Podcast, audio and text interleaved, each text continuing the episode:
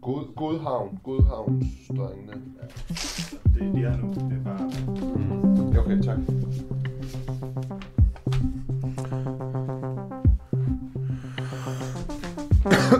Hvad? Ja, tak.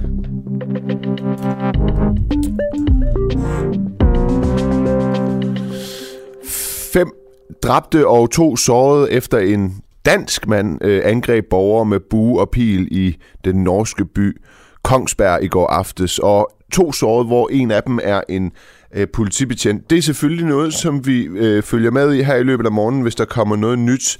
Vi ved, at øh, manden han er blevet afhørt øh, af politiet i tre timer indtil videre, og øh, vi ved ikke mere, og derfor så går jeg ikke mere ind i det lige nu, fordi vi simpelthen ikke har et motiv, og det vil være ren konspiration. Men fordi Norge jo har en kedelig historik med Anders Breivik, så er folk mistænkelige over for, om det kunne være terror. Det ved vi ikke noget om endnu.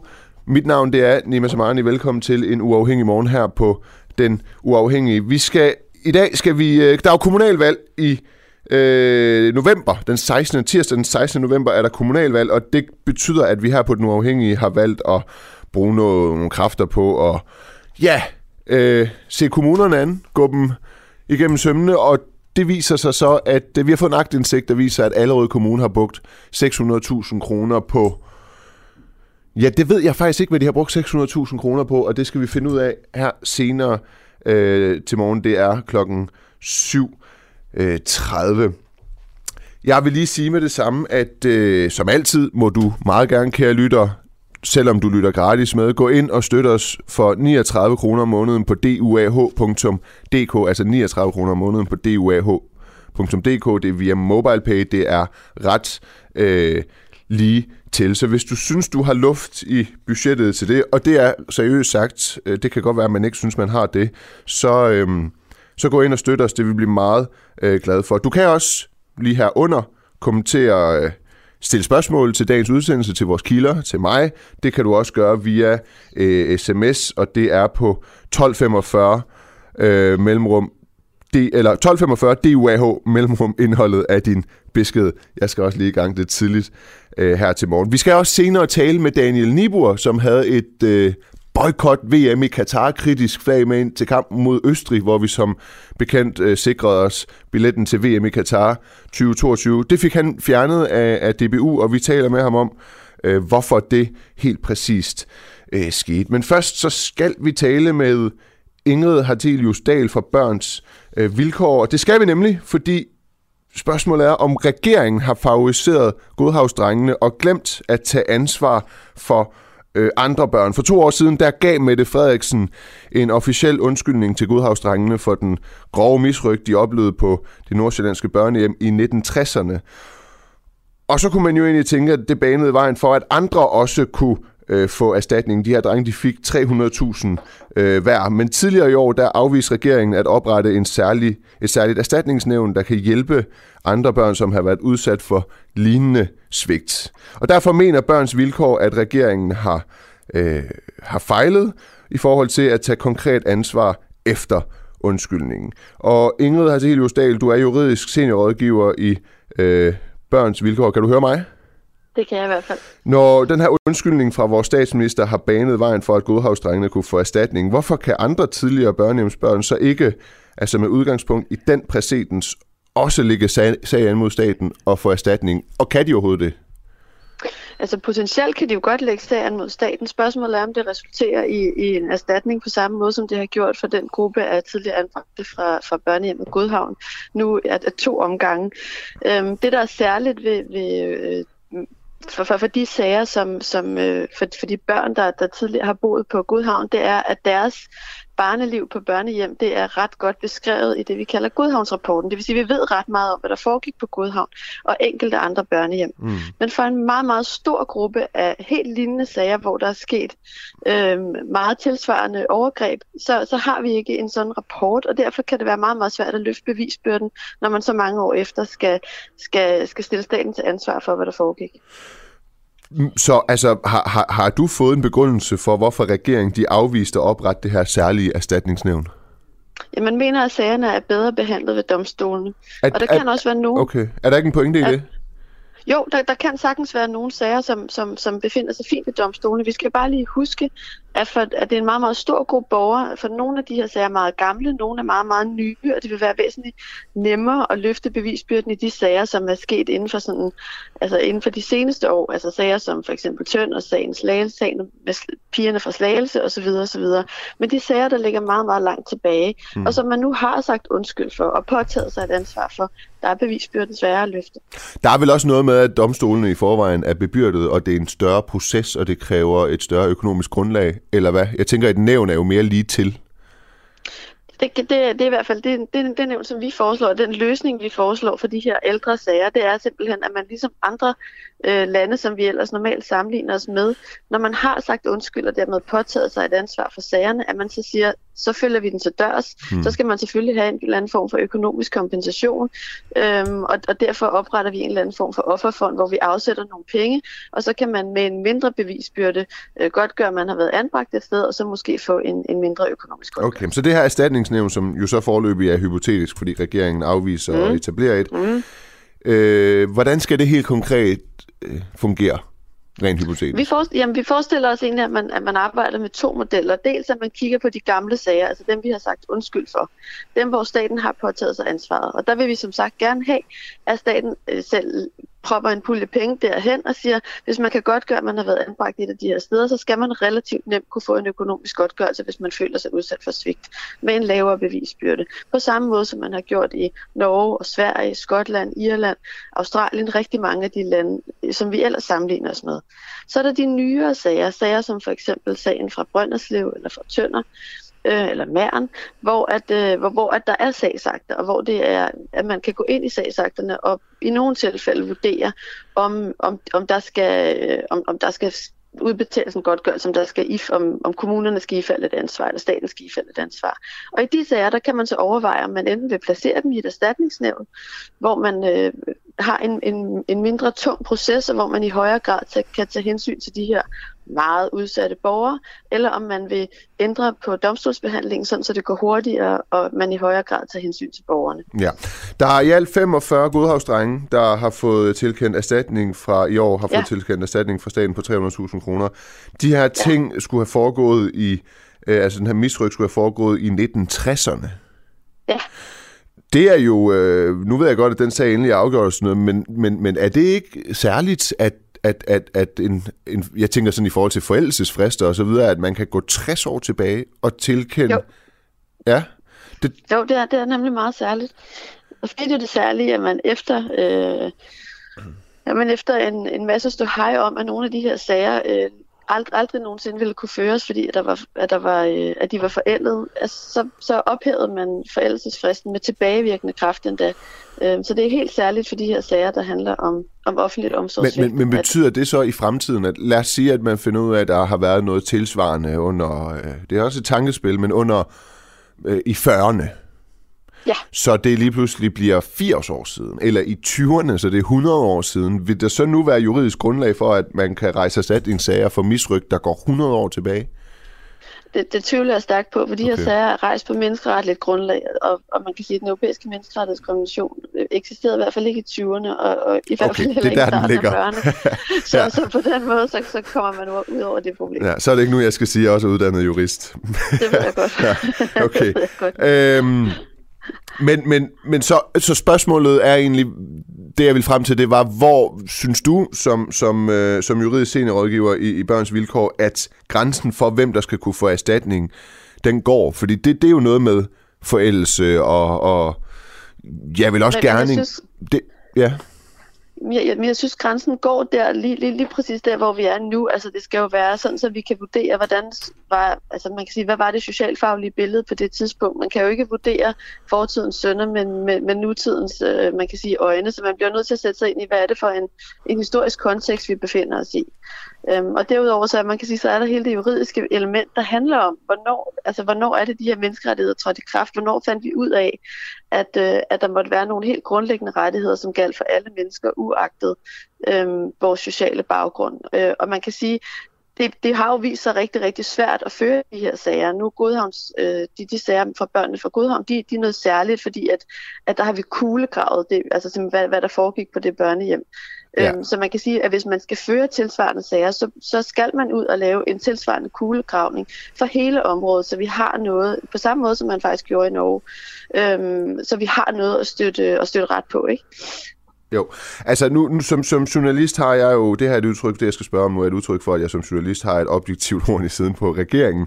Men, men, Ja. men jeg, jeg vil egentlig spørge dig, øhm, hvorfor tror du, regeringen har, jeg ved godt, der er jo masser af beviser her og sådan noget, men mm når man vil give 45 godhavsdrenge 300.000 i erstatning øh, hver, og man så ikke vil følge det med andre, der er blevet øh, udsat for misrygt, altså jeg tænker, misrygt er jo misrygt, Står du så tilbage med en fornemmelse af, og det er et ledende spørgsmål, ja, at regeringen de har øh, tilkendt erstatning, fordi det er en god mediesag for dem? Der er ingen tvivl om, at det var en god mediesag. Men-. Altså, jeg tror stadigvæk, at undskyldningen til Godhavnsdrengen er et af de, øh, man, man kan sige, en af de politiske beslutninger, som Mette Frederiksen har fået mest øh, god presse på. Ikke? Øh, så, så der er ingen tvivl om, at det var, det var me- mediemæssigt og fra, fra, fra, fra folk som dit perspektiv en rigtig god historie. Der, hvor man, der, hvor man kan sige, at det bliver, det bliver problematisk, det er for en, lang, øh, for, for en gruppe, øh, så, så var undskyldningen nok, men for en lang række meget udsatte borgere, så er det altså en lidt billig omgang, når man står og siger undskyld og indkasserer alt den øh, goodwill, som, som, som det giver, men samtidig ikke vil påtage sig det ansvar, som sådan en undskyldning rent faktisk er indledningen til. Altså normalt, når man går ud og siger undskyld, så påtager man sig også et ansvar. Men det for, påtog fordi man sig jo så med de 300.000 i erstatning til hver, eller hvad? Jamen, det er, det er jo en meget, meget lille gruppe, kan man sige. Ja. Gruppen af, af borgere, som har været udsat for, for noget, der var lignende, er jo meget, meget større. Og man kan sige, at problemet politisk her er nok, at vi ikke ved, hvor stor den her gruppe er. Det jeg ved fra vores projekt om erstatningssager, er jo, at det kræver rigtig, rigtig meget af de her borgere at ret henvendelse, og de har brug for, for rigtig meget hjælp og støtte, både fra advokater, men i nogle tilfælde også fra os, som bisidder dem, øh, for overhovedet at komme i mål med det her. Det er en Okay, lang, men så et sidste, juridisk proces. et ikke? sidste spørgsmål. Er det ikke næsten værre, at regeringen giver 45 udvalgte øh, erstatning, og så, så at sige, pisser på alle andre? Så er det næsten bedre at bare sige nej til alle? Men det er svært at sige nej, når man har sagt undskyld, og når der ligger en rapport, Ja, det er siger, det er faktisk rigtigt, Ja. så er det faktisk ret svært at sige Ja, nej. det kan du have ret i. Jeg, jeg synes heller, at man skal vente om og sige, at, at vi ved jo sådan set godt, fordi det var jo en del af den historie, vi var ude at fortælle, da vi sagde undskyld, at det her ikke er et enestående tilfælde på Godhavn, men at det var et udtryk for en måde, vi behandlede børn og unge dengang. Så lad os nu tage, føre- den hele vejen og ikke slæbe efter vores øh, sammenlignelige kollegaer mm. og, få, og få afsluttet alle de her sager på en ordentlig måde. Okay, Ingrid Hasilius Dahl, du er juridisk råd, seniorrådgiver i Børns Vilkår, og det her det var altså om, hvorvidt andre, der er blevet behandlet, øh, mishandlet eller udsat for misryk, skal have erstatning, ligesom Godhavsdrengene. Tusind tak, fordi du var med her til morgen. Det var altså lidt. Hej. Hej. Mm, ja. Gambler Lægemiddelstyrelsen med patienters sikkerhed, når de hemmeligholder navnet på et præparat, som kan købes på apotekerne, men måske ikke er testet ordentligt. Noget af den medicin, vi køber i Danmark, den bliver testet af et firma i Indien. Det firma anklager USA's lægemiddelstyrelse nu for svindel med sikkerhedskontrollen i, i, i alt fem lægemidler. Lægemidlerne, som også bliver solgt i Danmark, eller undskyld, jeg tager den lige forfra. Det er lægemidler, som også bliver solgt i øh, Danmark. Det beretter øh, Danwatch og P1 øh, orientering mandag. Svindlen den kan betyde, at lægemidlerne måske er ubrugelige eller har farlige bivirkninger, siger eksperter. Min kollega Clara Vind spurgte direktør i Lægemiddelstyrelsen Mariette Hermann, hvilke præparater der er tale om, men det ville hun ikke fortælle. Og vi prøvede også at blive klogere på, om præparaterne, der stadig kan købes, er farlige. Det mener Lægemiddelstyrelsen ikke, at de er til trods for, at man i USA har sat dem under kritisk lup. Den her indiske klinik er blevet anklaget for at fuske med medicinske forsøg, og de står bag forsøg med flere typer kopimedicin til det danske marked. Og det handler i hvert fald indtil videre om fem typer lægemidler, blandt andet hjertemedicin. Vil du fortælle navnene på lægemidlerne eller virksomhederne? Øh, Det kan jeg ikke, som situationen er nu. Øh, Der er nogle regler, som vi skal leve op til øh, i forhold til offentlig forvaltning, så det kan jeg desværre ikke. Altså det vil sige en tavshedspligt, eller hvordan? Ja, der er simpelthen nogle regler om, øh, hvordan vi stiller virksomhederne i forhold til, øh, til deres forretning. Hvis der ikke var den her tavshedspligt, eller den her øh, form for forretningsforbindelser, vil, I, vil du så fortælle, hvem det var? Det, vil- det er et spekulativt spørgsmål. Det vil jeg vurdere i hver enkelt konkrete sag. Jamen lige for eksempel, øh, lad os tage den med hjertemedicinen. Hvis der ikke var de her aftaler, vil du så fortælle borgerne, hvad det var for en type lægemiddel? jeg vil hellere have, at det var Lægemiddelstyrelsen, der reagerede øh, og kaldte dem tilbage, hvis det er det, når vi nåede så langt. Men hvis I havde information, ville det så ikke, man kan sige, være næsten pligt at skulle oplyse borgerne om den information, I har? Vores pligt består i at sørge for, at de lægemidler, der er på markedet, at de øh, har den rette kvalitet. Øhm, og det er det, vi gør ved, at vi øh, vurderer hele tiden, om lægemidlet kan være på markedet, eller om det skal trækkes tilbage. Okay, så det skal stå som, at hvis I ikke havde den her aftale eller tavshedspligt, så ville du heller ikke sige det? Det skal jeg ikke kunne sige. Det vil være en afvejning. I USA har man jo givet de her lægemidler øh, særstatus, mens de bliver undersøgt. Altså næsten en form for karantæne. Er det noget, I vil gøre? Det er ikke noget, vi har vurderet for nuværende. Jeg vil godt starte med at sige, at altså, vi har øh, det allervigtigste fokus, det er jo selvfølgelig patientsikkerheden, og derfor har vi været inde og tage en konkret vurdering i forhold til, øh, om der kan være en fare for patienterne øh, for, det her, for de her lægemidler, mens vi undersøger. Og det har vi vurderet, der ikke er. Øh, og det hænger sammen med, at øh, vi er, er sikre på, at kvaliteten af lægemidlet som sådan er i orden. Øh, det er jo også forhold, vi er inde og godkende øh, i forhold til de her lægemidler, der er på markedet. Så, så vi kan stå inden for, at kvaliteten er i orden. Det, der er sået tvivl om, det er nogle data, som er for forsøg, som skal vise, om det lægemiddel præcis virker som originalen. Og det er vi ved at undersøge nu sammen med vores europæiske kolleger. Men hvis I er i gang med at undersøge det nu, hvordan kan I så vide, at det ikke er skadeligt? Eller at der ikke er en risiko? Det er fordi, at det skal forstås som et tostreng. Man kan godt sige tostreng, og det er måske endda for enkelt. Tostrenget system, hvor vi jo inde også at godkende, hvad er det for et lægemiddelstof, der er i? Hvordan er det produceret? Lever det op til standarderne? Er det rent? Er der urenheder i? Er hjælpestofferne i orden? Og virksomhederne, der producerer det, har godkendelse til at producere det, og kvaliteten kan derfor øh, helt sikkert siges at være i orden. Så der er ikke noget galt med kvaliteten af selve lægemidlet. Der er nogle bagvedliggende data, som også skal være i orden og øh, godkendte, som der er sået tvivl om. Og mens vi undersøger, der lader vi lægemidlerne blive på markedet. Eksperter, der har været ude at sige, at man ikke kan være tryg ved at spise de her lægemidler, så længe, man ikke, altså, så længe det ikke er afklaret, om de overholder kravene. Tager de så fejl? Jamen, de har deres udgangspunkter at tage, og vi har selvfølgelig vores udgangspunkter at tage i forhold til de øh, data, vi har. Og så vi bliver nødt til at kigge nærmere ned i data. De data, øh, FDA og USA har, øh, det er gældende for nogle lægemidler på deres marked. Vi skal tage stilling til det, der er på vores marked. I kan sige med 100% garanti, at der ikke er nogen risiko for patienterne, der tager det her, de her lægemidler? Vores vurdering er, at der er ikke nogen patientrisiko, så det kan vi sige helt klart. Øh, det vi kigger ned i, det er de bagvedliggende data, at de skal selvfølgelig, vi kan ikke på nogen måde acceptere, hvis der er øh, øh, snydt med dem, og så får det selvfølgelig en konsekvens. Men som udgangspunkt er vi sikre på, at der er ikke nogen fare for patienterne her. Det kan I fuldstændig garantere, at der ingen risiko er? De vurderinger, dem står vi inden for, det er klart. Øh, Anders Fuglsang havde været ude at sige, at risikoen er, at lægemiddelstyrelser har godkendt medicin, som ikke virker efter hensigten, øh, eller har flere og større bivirkninger, end testresultaterne viser. Det strider jo lidt imod det, du siger, at der ikke er nogen risiko for patienterne overhovedet. Det er den øh, udlægning, som Anders Fuglsang har. Vi har den vurdering, at der ikke er nogen fare for patienterne øh, i det her, på trods af, at der kan være en, en, en lille øh, anderledes virkning, øh, men som er lille. Så, så der, er nogen, der kan godt være nogle risiko ved det. Altså, den er ikke, øh, du sagde før, at I kunne garantere 100%, at der ikke var nogen, men nu siger du, at der er en risiko. Der er ikke en risiko for fare for patienterne. Men bivirkninger? Jeg vil heller ikke mene, at det her vil øh, give en anderledes bivirkningsprofil. Øh, det vil være i sjældne tilfælde, være meget sjældne tilfælde. Det, det er ikke vores vurdering, at der er fare for patienterne i det her. Men sagde du ikke lige før, at der var en lille risiko? Der er, det er en risiko for patienterne. Der kan være en, en risiko for, at øh, det statistiske materiale, der ligger bag, ikke er helt, øh, som det skal være, øh, fordi der øh, kan være en mistanke om. Der er i hvert fald stået tvivl om, om data er korrekte. Men det, det data, der er blevet slået tvivl om, eller det forsøg, der er blevet lavet, det påvirker vel også produktet? det påvirker, det er jo en bevis for, endnu en bevisførelse for, sammen med andre øh, i en hel pakke af godkendelse, er det et øh, bevis for, at det øh, virker som originalen.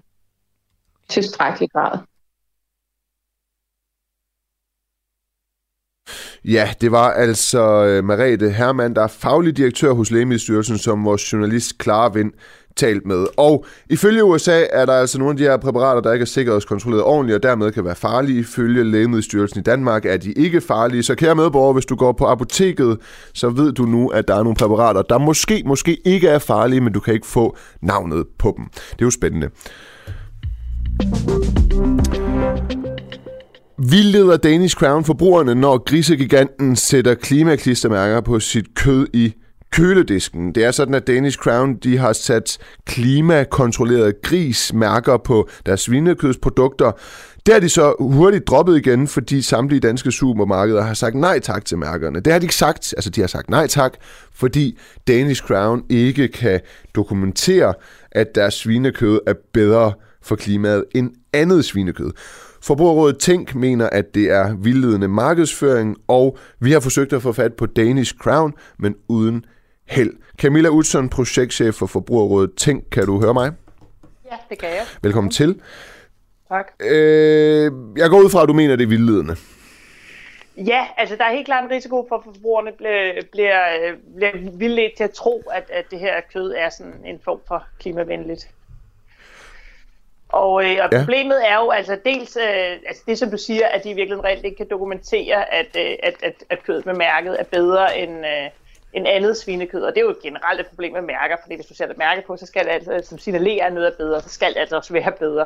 Men så er det jo også hele det her begreb her, klimakontrolleret, som er sådan enormt øh, fluffy, ukonkret. Det er jo egentlig slet ikke til at gennemskue, hvad, hvad der ligger bag, men det signalerer jo et eller andet med klima.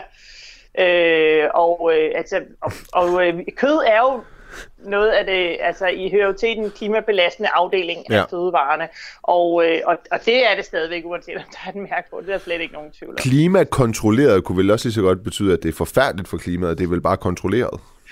Jamen lige præcis, altså, ja. og, og, øh, altså det, og det kan man jo godt sige, hvis man rationelt sætter sig ned og overvejer, hvad betyder det her ord, men problemet er jo stadigvæk, at du sætter det på et mærke, og, og det signalerer noget med klima, og er egentlig enormt ukonkret, og så er der den her risiko for, at, at forbrugerne øh, tror, at, øh, at det er bedre.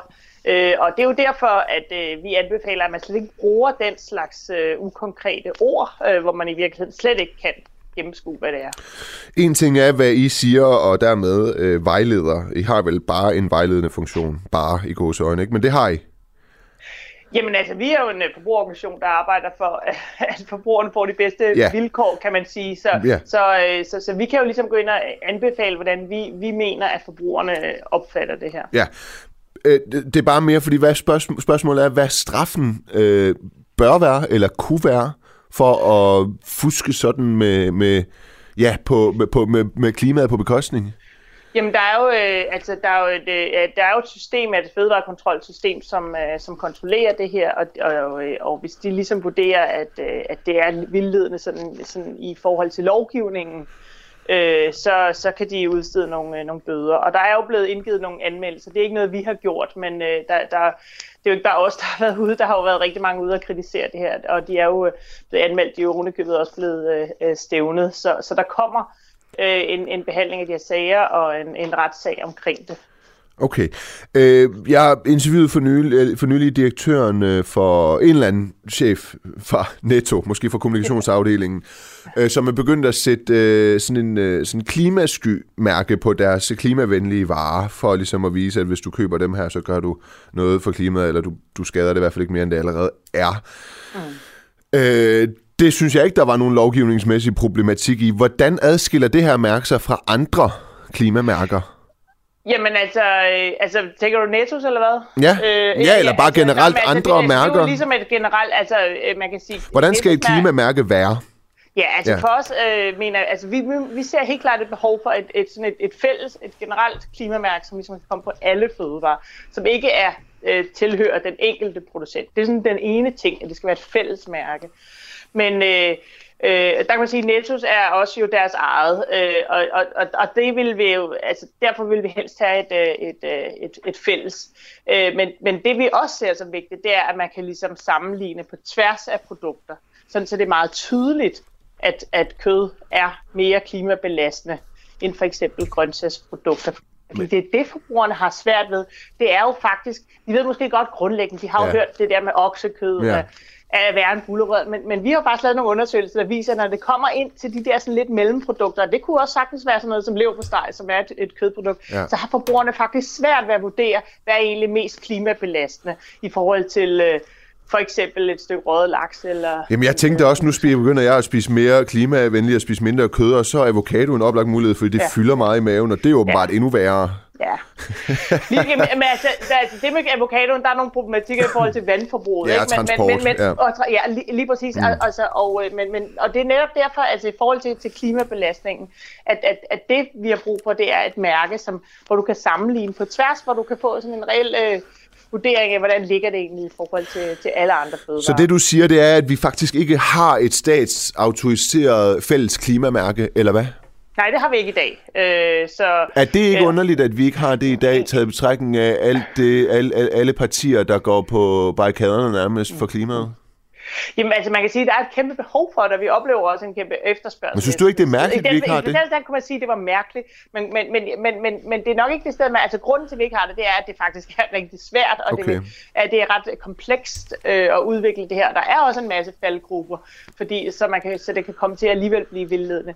Men, men, men når det så er sagt, så, så, så det vi siger, det er, at nu bliver vi nødt til at sige, at vi gerne vil have et klimamærke, og så må vi ligesom arbejde på, hvordan kan vi gøre det på en måde, så det, så det ikke vildleder forbrugerne. Okay. Øh, Camilla Utzen, du er projektchef øh, for Forbrugerrådet Tænk. Tak, fordi du var med. Selv tak. Ja. Og øh, vi har altså talt med Danish Crown, men de er ikke vendt tilbage øh, på vores anmodning. Vi kan lige sige, for at gøre ondt værre, at øh, klimakontrolleret gris er en del af, hvad Danish Crown selv kalder for deres største reklamekampagne nogensinde. I kampagnen der skriver de også, at vores grise er mere klimavenlige, end du tror.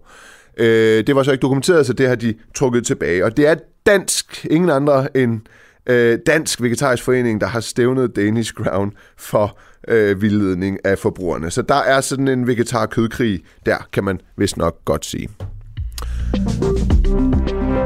Nu skal vi øh, til noget helt andet. Vi, øh, der er kommunalvalg tirsdag den øh, 16. november, og øh, vi har øh, på den anledning ja, sat os for at undersøge, hvad øh, kommunerne de foretager sig ude i landet, og spørgsmålet er, om øh, Allerød Kommune de bruger skatteborgernes penge på øh, varm luft. En agtindsigt, vi har fået her på Den Uafhængige, den viser nemlig, at Allerød øh, Kommune i 2019 brugte 600.000 kroner på en række øh, visioner for kommunens fremtid hos konsulentfirmaet Implement Consulting Group. Og for det beløb fik kommunen, ud fra hvad vi kan se den her aktindsigt, seks sider med visioner under overskriften Tæt på hinanden, tæt på naturen. Spørgsmålet er, hvad Allerøds borgere konkret har fået for de penge, de har øh, betalt, altså de her 600.000, der skal bringe os tættere på hinanden og tættere på øh, naturen. Miki Dam Larsen, du er viceborgmester i Allerød Kommune. Velkommen til. Tak skal du have. Kan du nævne et konkret eksempel på noget, som borgerne har fået for de her 600.000 øh, kroner under rubrikken tæt på hinanden, tæt på naturen? Jamen, øh, visioner har du med ikke at levere det mest konkrete, men jeg kan i hvert fald sige, at den her byrådsperiode har været øh, den mest konstruktive periode, jeg har været med i. Øh, jeg tror, hvis du ser på, hvor meget der er blevet produceret, om vi skal gøre det op i strategier, politik eller indsatsplaner, det er sådan set ligegyldigt. Der er blevet leveret i den her periode. Øhm, og jeg tror muligvis, det at være sammen om noget overordnet og finde de første fodslag sammen har gjort en forskel. Men øh, det er bare min tanke. Mm, jeg forstod faktisk ikke, hvad du sagde. Altså, det, eller det, det, det lød meget sådan abstrakt. Er, kan du komme med et eksempel på, hvad borgerne har fået for de her penge, eller i hvert fald, hvad de kommer til at få for de her penge i forhold til de her visioner? Jamen, øh, de har for eksempel fået en konkret plan for vores bymidte, som jeg vil sige bygger blandt andet på den her vision. Øh, de har fået en planstrategi, der gør, at vi i fremtiden har en skarpere øh, udvikling af vores byer, boliger. Øhm, så der er blevet vedtaget planer, der kan mærkes. Visionen er jo ikke det, der i sig selv kan mærkes i første omgang. Nej. Men jeg, jeg tror, at vores øvrige arbejde bygger på det. Så der har været visioner for bymidten og boligplanlægningen. Hvordan kommer det helt konkret til udtryk i bymidten og i boligplanlægningen? Det kommer til udtryk ved, at, at man i fremtiden får lettere ved at kunne finde sig en bolig, der passer til ens livssituation. Vi er jo sådan lidt den her sjove grå masse mellem øh, provins og forstad, hvor at der har været rigtig mange parcelhus. Øh, og nu bliver en stor del af befolkningen ældre og har svært ved at finde et alternativ, og øh, vi har fundet en god model for at sikre, at der så i fremtiden bliver en mere blandet boligmasse til de forskellige livssituationer, man kan være i. Ja, så hvor mange boliger kommer der til at være tilgængelige for, for hvilken klasse af borgere? Jamen, hvis man bare tager vores bymidte, som rigtig mange gerne vil flytte ned i, så forventer vi at få et par, par hundrede nye boliger dernede, for eksempel. Et par hundrede nye boliger? Ja. Okay. Og øh, det her med øh, tæt på naturen. Tæt, hvad, hvad, hvad ligger der egentlig tæt på hinanden, tæt på naturen? Ja, man skulle næsten tro, at vi havde arbejdet med det inden, eller før, eller hvad hedder det, efter corona, men det var egentlig inden corona, at, at, at vi kunne se, at meget af det feedback, vi fik fra borgerne, det var, at det, der gav værdi for dem, øh, hvor de boede, det var, at det var nemt at komme ud i naturen. Øhm, og vi har så arbejdet med blandt andet for frede et, et, et naturområde, så der kommer sammenhængende stiforløb, og man kan regne med faktisk at få en større sammenhængende naturoplevelse, der er uforstyrret. Øh, så vi har faktisk gjort meget for at, hvad kan man sige, gøre naturoplevelserne nær byen bedre. Okay. Øhm, altså, er det her øh, bare løfter, eller øh, hvis man nu søgt agtindsigt i, hvor langt I er med det her planlægning, altså et par hundrede boliger ekstra til, til folk, der ikke har et sted at bo, øh, noget mere, øh, nogle mere naturoplevelser, øh, altså, har, har, har, I, har I brugt penge på det? Er, det? er det sat i værk, eller hvor skal jeg forstå, vi er? Jamen, at fredningen den er ved at blive øh, vurderet af fredningsnævnet. Øh, Okay. Lokalplan, bymidten, der muliggør de her boliger, den er vedtaget. Øh, så er det op til private investorer og, og hvad kan man sige, udvikle øh, de næste skridt, eventuelt boligforeninger, og der er interesse og ansøgninger om at, at komme i gang, så, så det er ret trygt det. Øh, synes du, de her penge, de er givet godt ud? 600.000 kroner for det her? For en Det er plan? lidt et temper- ja, det er lidt et temperamentsspørgsmål. Altså, jeg er som person langt mere til det konkrete, direkte arbejde, end det mere, øh, hvad kan man sige, de vidtløftige snakkeprocesser. Så det var ærligt talt overhovedet ikke øh, mit, min store drøm at skulle starte med, med en luftig vision. Øh, men jeg lægger mig ned og siger, jamen bagefter kan jeg godt se, at det gjorde, at der var flere, der måske kunne finde hinanden, øh, og det skabte noget overordnet, overordnet retning. Og nok jo det, det efterfølgende arbejde lettere faktisk. Så det du siger, det er, at i starten havde du måske en fordom om, at det var øh, meget at give over en halv million til øh, en masse øh, djøffere, der så skulle komme med en eller anden vision. Det er jo ikke Djøffer, der kom med en vision. Der ligger der nogle lidt skæve ord i. Gør jeg det? Implement Consulting Group? Okay, men så CBS'er. Djøffere, whatever. Det er ikke så meget, øh, hvem det er, der er involveret. Det her det er jo lige så meget et spørgsmål, om pengene bliver brugt på af Nej, det, jeg tænker, jeg tænker grund til at spørge om det, Michael Dam Larsen, det er fordi, at øh, spørgsmålet er, om der ikke sidder nogen i kommunen øh, i forvejen og i øh, planlægnings, byplanlægningsafdelingen osv., som øh, kan sige sig selv, at det vil være godt at få borgerne tættere på naturen, og det vil være godt at skabe nogle ledige boliger. Kræver det virkelig 600.000 kroner at få nogen til at fortælle det? Fordi det lyder jo ikke som om, at de er kommet med en infrastruktur. Det lyder bare som om, de har fortalt jer, det er godt med natur, det er godt med flere boliger. Det er da klart, det er godt. Men 600.000? Ja, men du kan altid diskutere prisen. Øh, som sagt, det var ikke der, mit temperament lå. Hvis temperament lå så der, hvem, hvem har besluttet det her? Du er jo viceborgmester. Er det så din borgmester, der har besluttet det her?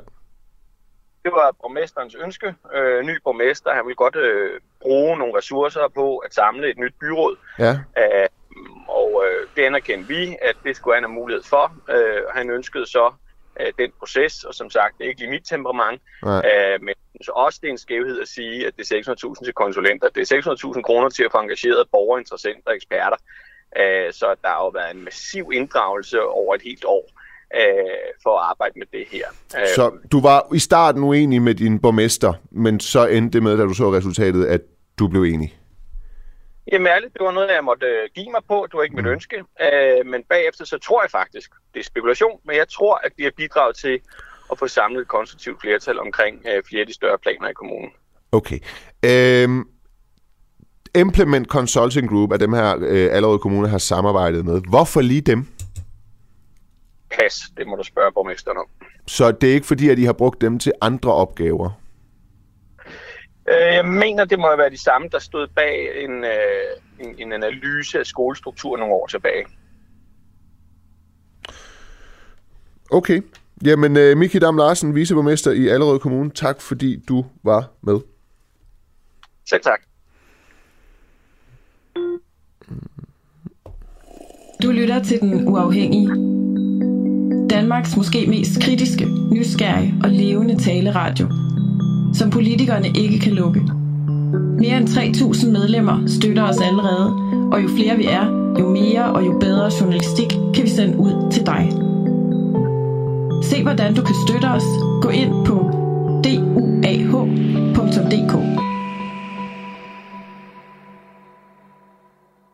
Ja, duah.dk. Gå ind og støtte os med 39 kroner om måneden uden øh, binding. Jeg vil også lige sige, at øh, hvis du har et spørgsmål til mig, eller vores kilder, eller vores indslag her, så gå ind og send en sms på 1245. Øh, du skal starte en sms med DUAH mellemrum øh, indholdet af dit, øh, din sms. Og Dorte har skrevet, sikke en gang varm luft for 600.000 kroner. Godt, I følger op. Det findes i alle øh, kommuner. Jeg tænker egentlig også, at øh, det vil være interessant måske at, at, at følge op på, hvorfor det lige blev øh, Implement Consulting Group. Det, øh, det var lidt... Det, ved, det vidste viceborgmesteren ikke øh, noget om, og han var altså uenig med borgmesteren, der har valgt Implement Consulting Group. Så det er jo interessant. Det vil vi helt klart øh, følge op på her, om der er blevet gjort nogen øh, vettetjenester. Det er ikke, fordi jeg skal stå og påstå det. Det er bare en meget, meget, meget løs øh, mistanke. Så ingen skyldige øh, overhovedet øh, endnu. Vi skal videre. Stemmer Inger Støjbergs udlægning af rigsretssagen mod hendes... Øh, øh, overens med andres. I går var det 17. dag for rigsretssagen mod Inger Støjberg. Hvis man betaler 25 kroner om måneden på inger.dk, kan man dagligt høre hendes side af sagen i et videoformat. Og det har vi valgt at gøre. Vi har fulgt det hele vejen igennem, dag for dag, og det har vi sammen med Ulrik Dalin, der er journalist på øh, Information. Han har altså dækket Støjberg-sagen intenst og siddet med i retten, og kan derfor sige, øh, hvad der sker i retten til forskel for, hvad Inger Støjberg hun øh, udlægger. Øh, Ulrik Dahlin, jeg kan høre, du er på. Du kommer lige med Ja, om et øjeblik. Jeg skal lige afspille et klip først. øh, I sin video fra i går aftes, der fremhæver Inger Støjberg ganske kort fortsættelsen af afhøringen af den forhenværende afdelingschef Jesper Gori, og det kan vi lige høre her, så kommer Ulrik Dahlin fra Information på. I dag, der var det jo Jesper Gori fortsat, der blev afhørt. Øh, anklagerne gjorde deres øh, afhøring færdig, og så øh, troede vi egentlig øh, nok, i hvert fald sådan et stykke op ad dagen, der var vi ret sikre på, at vi også ville blive færdige med vores øh, afhøring. Men det hele det kom til at trække lidt ud, så øh, vi blev simpelthen ikke færdige. Øhm, og det gør ikke så meget, fordi så kommer Jesper Gori i morgen igen øh, ind i rigsretten. Det betyder så desværre også bare, at jeg ikke kan øh, sige så øh, super meget, fordi vi stadigvæk er midt i hans øh, afhøring. Men jeg synes dog, det der står fuldstændig tindrende klart, og som er virkelig vigtigt for mig at få sagt, det er, at han allerede i dag øh, på, på vores foranledning, altså simpelthen fordi han øh, fik spørgsmålet om, om han nogensinde var blevet bedt om af mig at gøre noget ulovligt. Altså enten øh, i nuet, da vi sidder med det der ministernotat, eller dagene efter, eller på et andet tidspunkt, og der siger han klart, nej, det er, er han aldrig nogensinde blevet bedt om. Og det er dog alligevel vigtigt. Og når jeg nu siger det sådan her, så er det fordi i kommissionen, da, da Barnebrudskommissionen var, der var han måske knap så klar øh, omkring øh, de ting. Men øh, ellers så kan jeg jo ikke sige så meget om hans afhøring, fordi vi simpelthen ikke er færdige med den. Ja, det mangler bare, at hun siger kære dagbog til at starte med, så er det her cirkus fuldendt. Men Ulrik øh, Dalin, hvad siger du til den her udlægning af, øh, af Inger Støjbergs... Øh, ja, hvad siger du? Hvad er din umiddelbare reaktion på det, du hører i klippet her? Er det en, en færre udlægning? Nej, ja, det ved jeg ikke rigtigt, fordi uh, hun kunne jo godt referere, hvad det var, at Jesper Gore faktisk fik sagt. For Og hvad var det, største del, Ja, den største del af, af, tiden blev han jo afhørt om, om af anklagerne. Ja. Øh, og i den forbindelse kom han ind på øh, to øh, møder, øh, som øh, også spiller en stor rolle. Det ene var et møde den 9. marts, hvor øh, ministeren og hendes særlige rådgiver, Mark Thorsen, øh, sad med fem sager, og det var fem sager, som Udlændingestyrelsen øh, havde sendt frem til departementet, fordi Udlændingsstyrelsen mente, der kunne være nogle problemer, hvis man øh, adskilte dem, altså menneskeretlige problemer. Øh, og, og der var han med til et møde, hvor øh, især Mark Thorsen stillede spørgsmålstegn ved, om de forskellige psykolog og læge og hvad der nu ellers har været, erklæringer, om man kunne sige, at de personer, der havde skrevet dem, øh, altså lavet de her vurderinger, om de havde personligt engageret sig så meget i sagen, så man måtte anse deres vurderinger for at være, hvad kan man kalde det, biased, altså Inhabile. for positive. Ja, ja. at de var inhabile, det ikke var en savlig, nøgtern vurdering. Og det efterlod ham endnu en gang med det indtryk, at, øh, at ministeren altså ikke var særlig begejstret for, at der kunne være par, som skulle adskilles. Så det andet var et møde den 14. marts, øh, og det var lige et formøde forud for et, et samråd, der kom den 15. marts. Og der var der en meget stor diskussion mellem embedsværket og ministeren om, hvorvidt altså man skulle bringe et eksempel på en undtagelse. Og der ville Inger Støjberg helst have, at man eller hun insisterede på, at man skulle øh, ikke nævne noget om øh, internationale forpligtelser eller FN's børnekonvention. Hun ville derimod have, at det eksempel, der skulle være, skulle være et par, der var gift med kongebrev. Og der fandtes faktisk sådan et par, som var blevet gift på Vejle Rådhus. Og der var man jo i den lidt mærkelige situation, at hvis man skulle adskille dem, så skulle man jo underkende den afgørelse en dansk myndighed. Ja, Vejle altså hvis den ene er, øh, eller hvis det begge, ved jeg, ikke, hvis den ene i hvert fald er øh, mindreårig, altså under 18, ja. så kan man alligevel få lov til Ja. at blive gift ved, øh, ved, Ja, ved kunne, kongebrev. skal man sige. Kunne, det fik ja. man afskaffet. Ja. Ja. Nå, men i hvert fald så er der en stor diskussion, om der skal stå kongebrev, eller der skal stå for eksempel kongebrev. Den sidstnævnte formulering, for eksempel kongebrev, vil jo åbne for, at der også kunne være andre øh, eksempler, eller andre par, der skulle øh, øh, ikke adskilles, selvom de ikke havde kongebrev. Ja. Og det var en diskussion, hvor ifølge Goris referat, at øh, departementchefen Uwe Tordal Petersen til sidst måtte sige til ministeren, at nu skal vi to herres en øh, snak øh, på dit kontor, inden jeg øh, ringer til statsministeriet. Og det er jo noget af en trussel i en embedsmands øh, mund. Øh, så det var altså endnu et eksempel ifølge afhøringen af Jens Skove på, at ministeren gjorde, hvad hun kunne for at, øh, øh, kan man kalde det, gøre undtagelsesmuligheden så snæver og så nærmest ikke eksisterende som muligt. Men det er rigtigt, at sidst på dagen så tog øh, René Oppersen, øh, Inger Støjbergs forsvar, over og begyndte sin afhøring. Og han er en meget, øh, hvad kan man kalde det, øh, effektiv maskine, når han sætter i gang. Så han fik i løbet af ikke særlig lang tid øh, Jesper Gore øh, efterladt lidt som sådan et ringbrag, øh, fordi at han, han stillede det ret oplagte spørgsmål. Hvis nu notatet, det vi har snakket om nogle gange, hvis det nu var dødt og borte, hvad for en ordning eksisterede så? Og der kagede Jesper Gore lidt rundt, tror, øh, synes jeg, og det tror jeg for også, der var andre fra pressen, der, der mente, altså det, det kunne han ikke, det indgik på en eller anden måde ikke i hans forberedelse, så han måtte falde tilbage på at sige, at der så øh, galt en, en til kanten ordning. Ja. Og hvad var så det?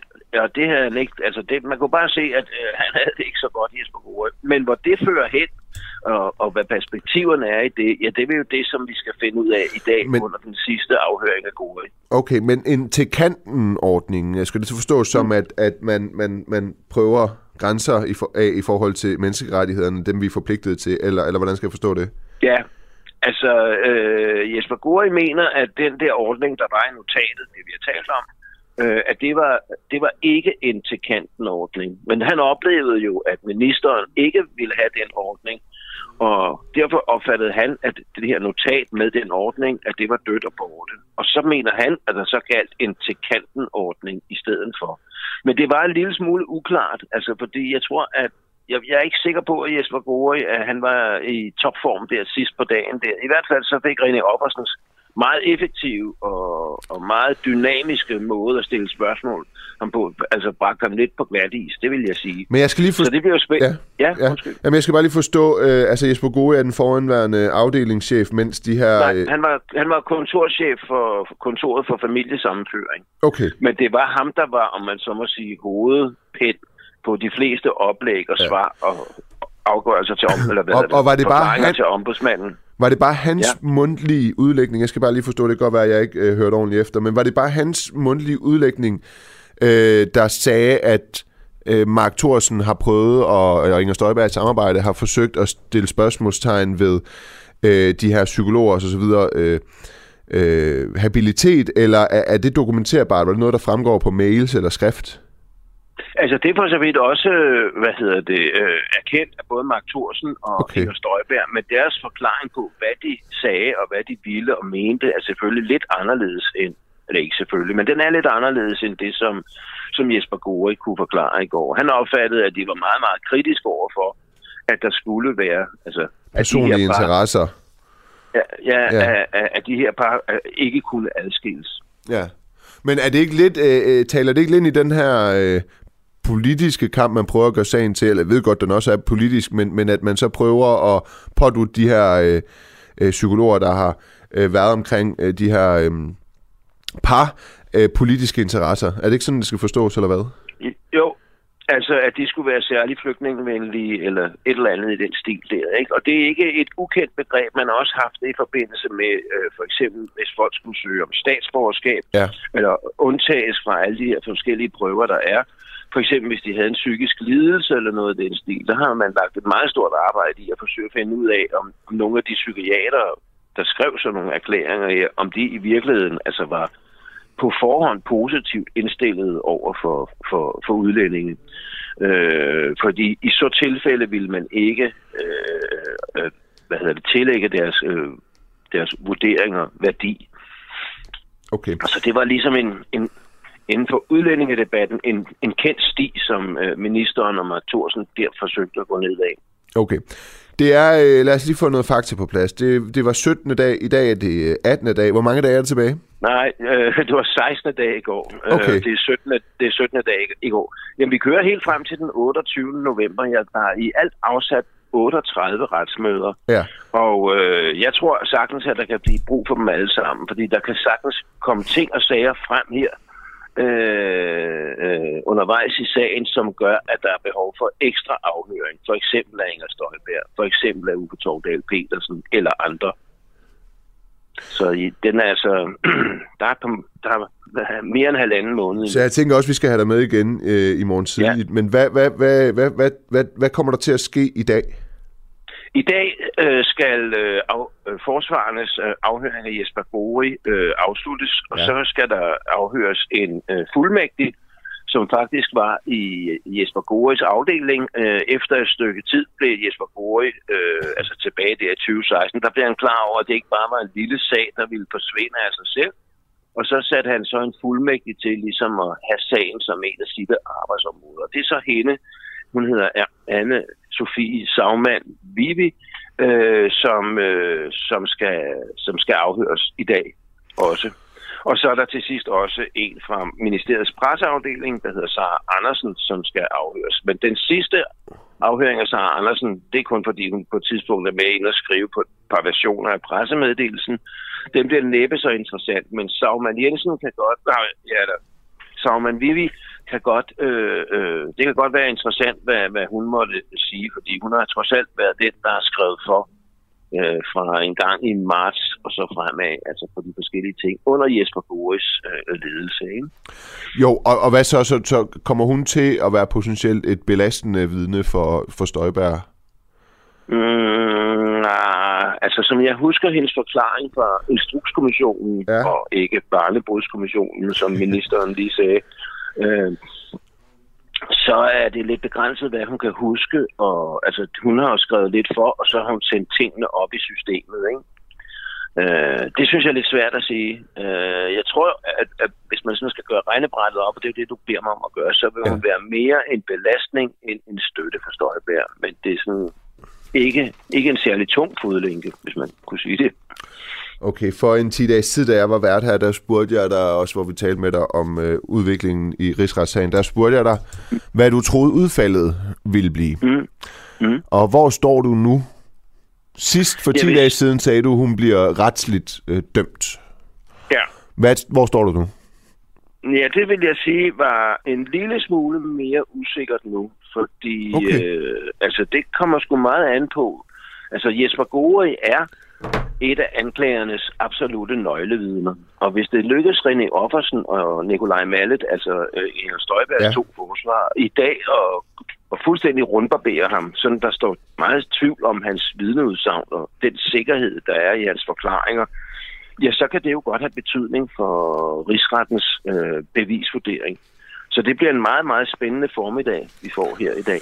Og så glæder øh, vi os her på Den Uafhængige forhåbentlig til at kunne tale med dig igen i morgen tidlig om, hvad der er, hvad der er sket i dag, Ulrik Dahlin. Det tænker jeg, vi kan. Vi har vel efterhånden Ja. en fast aftale, det er godt. Du er journalist på Information og har dækket øh, Støjbergs rigsretssag meget intens. Tusind tak, fordi du var med. Ja, godmorgen. Godmorgen. Du lytter lige nu til en uafhængig morgen. Kritisk, nysgerrig og levende radio, som politikerne ikke kan lukke. Vi sender live alle hverdage fra klokken 7 til 9. Lyt med via vores app på DK4 DAB, fra vores Facebook-side, eller hvis du bor i hovedstadsområdet på FM-båndet 102,9. Tak til dig, som gør det muligt. Ja, tak til dig, som gør det muligt. Inden vi går videre i konteksten, så vil jeg da lige genopfriske, at der i den norske by øh, Kongsberg i går aftes har været et øh, angreb. En dansk mand har med buerpil øh, dræbt fem og såret to mænd, en af dem en politibetjent. Og det er altså en 37-årig dansk statsborger, der er blevet anholdt og sigtet øh, efter de her fem drab i den norske by. Vi ved ikke, hvad motivet er endnu. Det, øh, det arbejder vi på at finde ud af. Det gør alle andre medier under også. Øh, men øh, jeg har nogle, øh, nogle, nogle vidneudsagn her, nogen der har øh, været tæt på, øh, og Magnus Tangen, der bor i Kongsberg, han, øh, han var på vej ud for at købe ind i den lokale Coop ekstra butik, da han lagde mærke til politiaktionen. Han har udtalt til den norske avis VG, det er skræmmende, at det er så tæt på der, hvor jeg bor. Og en anden beboer i Kongsberg, Leila Gustafsen, siger til den norske, det norske medie Aftenposten, at det føles uvirkeligt, at sådan noget kan ske en, i en så stille by. Hun siger videre, vi, der bor her, aner ikke, hvem der er blevet ramt, såret eller øh, dræbt. Og et andet øh, øjenvidne fortæller, at til den norske lokalavis Lejendalsposten, at han så gerningsmanden inde i Coop Extra butikken, og her skulle manden have, altså den danske 37-årige gerningsmand, have sigtet på kunderne øh, med buerpil, og den pågældende Coop butik var øh, altså onsdag aften afspærret, mens politiet de efterforskede området. Vi... Øh, han har afhørt tre timer i, øh, i nat, og TV2 de har talt med hans forsvarsadvokat Frederik Neumann, øh, som siger, at jeg har snakket med min, med min klient, og vi har været afhørt øh, i nat. Og den har afhøring altså foregået mellem øh, halv to og til omkring øh, klokken 5 øh, natten til i dag, altså øh, torsdag. Advokaten siger også, at øh, han sam, sådan set samarbejder med, øh, med politiet, og, og der kunne man jo måske godt tænke, at det, det, det, det bringer jo nogle ubehagelige minder tilbage til, øh, til Breivik, som jo også nærmest var øh, stolt af sin, øh, af sin gerning, fordi den var politisk motiveret, og så, og så øh, ja, så samarbejdede han også. Men vi ved ikke, hvad der er sket nu. Vi ved ikke, om det er terror. Det er meget, meget, meget vigtigt at sige. Vi ved bare, at der er en dansk mand i Norge, der med burpil har øh, dræbt fem personer og såret øh, to. Du lytter lige nu til Den Uafhængige. Danmarks måske mest kritiske, nysgerrige og levende radio.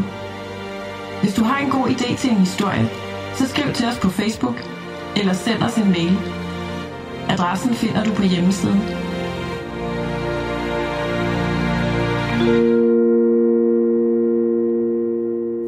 Ja, blev eleverne på Gravenshoved kostskole misbrugt og tæsket. Øhm, efter at de mishandlede drenge fra børnehjem Godhavn efter årtier har fået økonomisk erstatning af staten, altså 45 stykker har fået 300.000 kroner, begynder flere historier om misbrugte børnehjemsbørn og kostskoleelever at dukke op. 31 øh, øh, tidligere elever på Gravenshoved Kostskole i Syd, Sydjylland beskylder nu skolens ansatte for i 90'erne at udsætte dem for fysisk og psykisk vold og krænkelser. Øh, tidligere ansatte på skolen afviser anklagerne til nordjyske øh, stifttidene. Vi har nu øh, René vi har, ja, det har vi. Vi har René Vinding Christensen, som er talsperson for, en, for de 31 elever på Gravens Hoved Kostskole fra 90, 1990 til 91 med på en telefon. Velkommen til. Ja, tak skal du have. Øh, blev du udsat for noget selv, René Christensen? Øh, det gjorde jeg, men øh, jeg siger så heldig, at det, at det kun har været slag, spark, skub, hold, øh, klem, pres og, og så ellers ydmygelse, hård nedgørelse, øh, skrig og, og ja, torturlignende afhøringer i, i virkeligheden i forhold til, at vi var børn.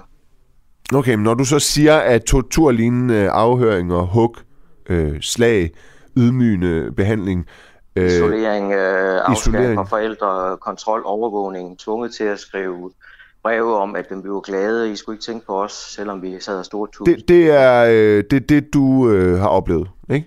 Ja, og det er det, der er sådan fællesnævneren for, for Pakistan og os alle sammen. Men så siger du, at du er en af de heldige. Hvad har de andre så oplevet?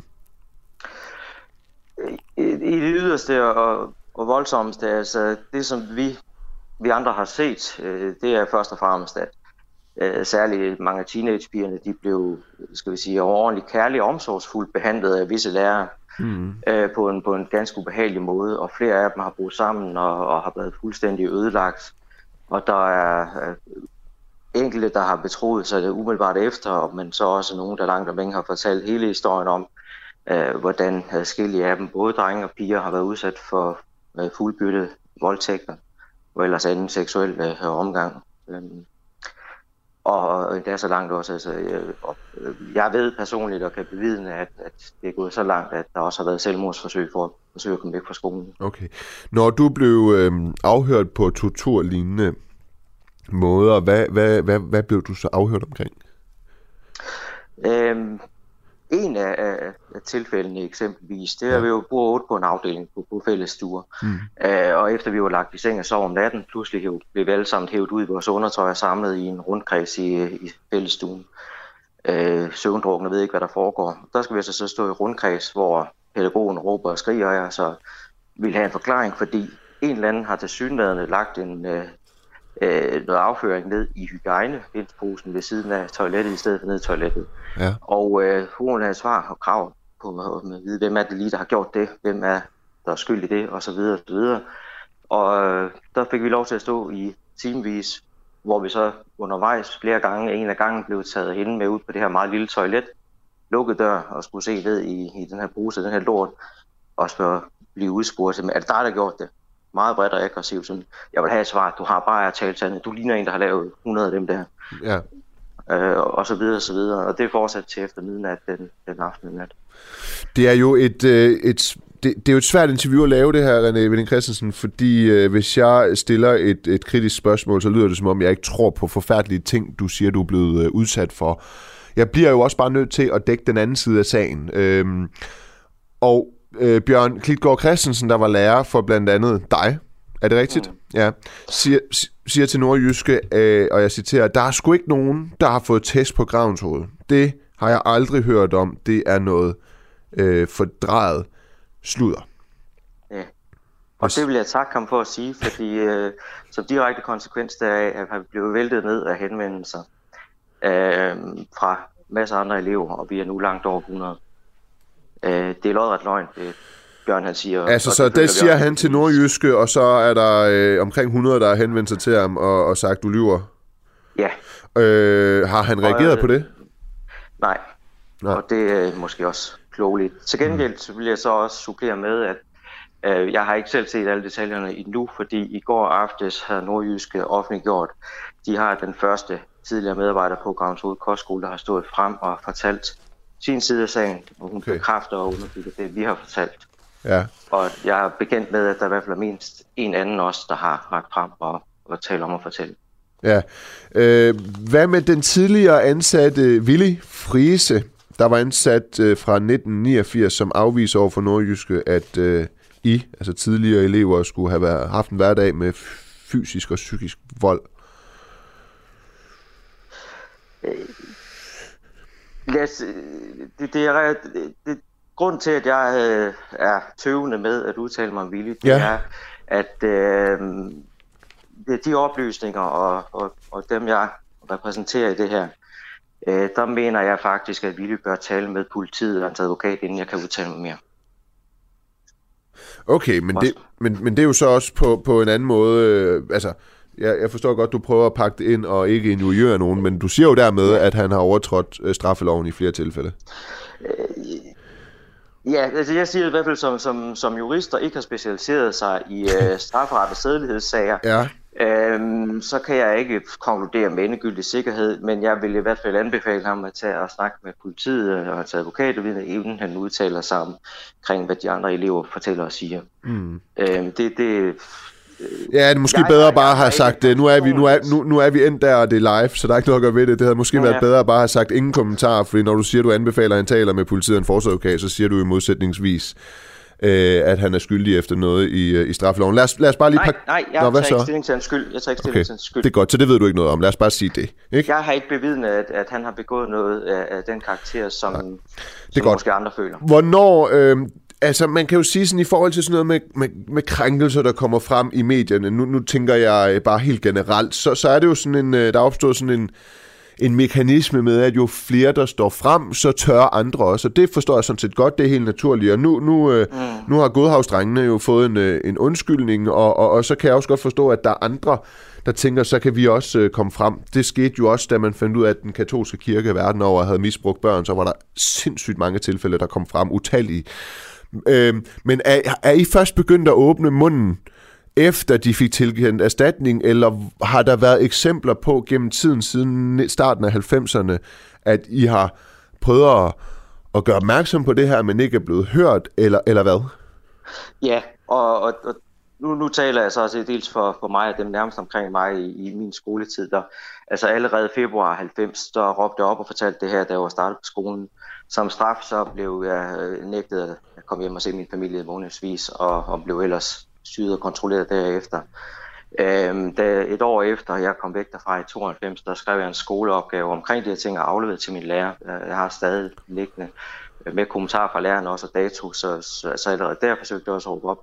I, i øh, omkring sommeren 91, der ved jeg, at to af pigerne, jeg gik sammen med dernede, som, som jeg kender, de sagde også til deres sagsbehandler, og det var så der, den ene blev hørt, og, og, og den anden så valgte, øh, skal vi sige, meget tragisk forsøg på at komme væk. Hvornår siger du, du skrev, du skrev, i hvilken anledning skrev du en skoleopgave? Om, Ja, i 10. klasse skulle vi jo skrive omkring noget samfund, historie og andre ting. Men i 10. klasse, hvor? Jeg gik på en anden skole der, Okay, og kom væk fra. og, og der skulle du skrive om hvad, siger du? Vi skulle skrive noget samfundshistorisk, et eller andet relevant, Ja. en større opgave, og jeg valgte så at skrive omkring Gavns Hoved som altså, historie, skole og så videre pakket ind, men for simpelthen at få nogle af mine fortællinger ud, fordi øh, jeg, jeg kunne ikke sidde med dem inde i mig selv længere. Så den skoleopgave var øh, direkte udtryk for, hvis man som lærer sidder og læste den, at du var blevet mishandlet. Ja. Og at det var systematisk for os alle elever. Okay, er det en skoleopgave? Og det spørger jeg ikke, fordi jeg ikke tror på det. Det spørger jeg, fordi det er vældig interessant, som vi må få lov til at, at, at se og, og måske anvende.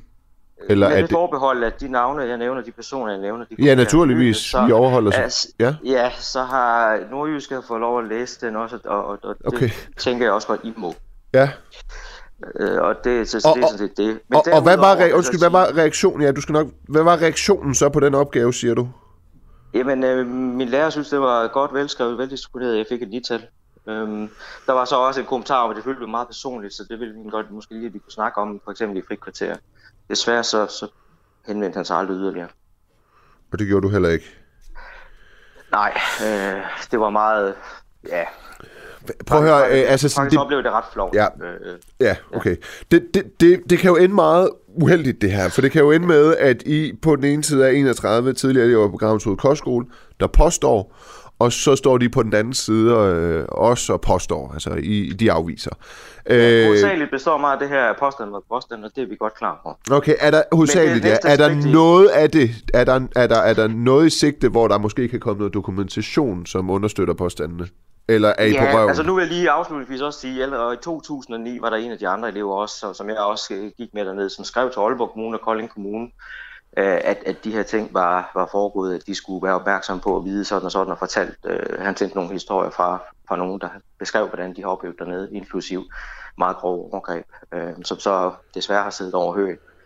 Øh, så, så i 2009 var den første henvendelse til kommunen faktisk øh, dokumenteret. Øh, og der har vi kopi af kommunens øh, svar tilbage.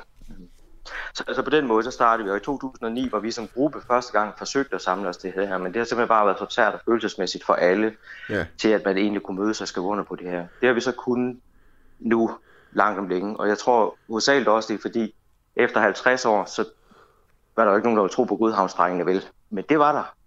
Ja. Og det har givet de sidste mod til, okay, tør vi nu? Ja. Nu er vi også så, så, så gamle så at sige, at nu tør vi også.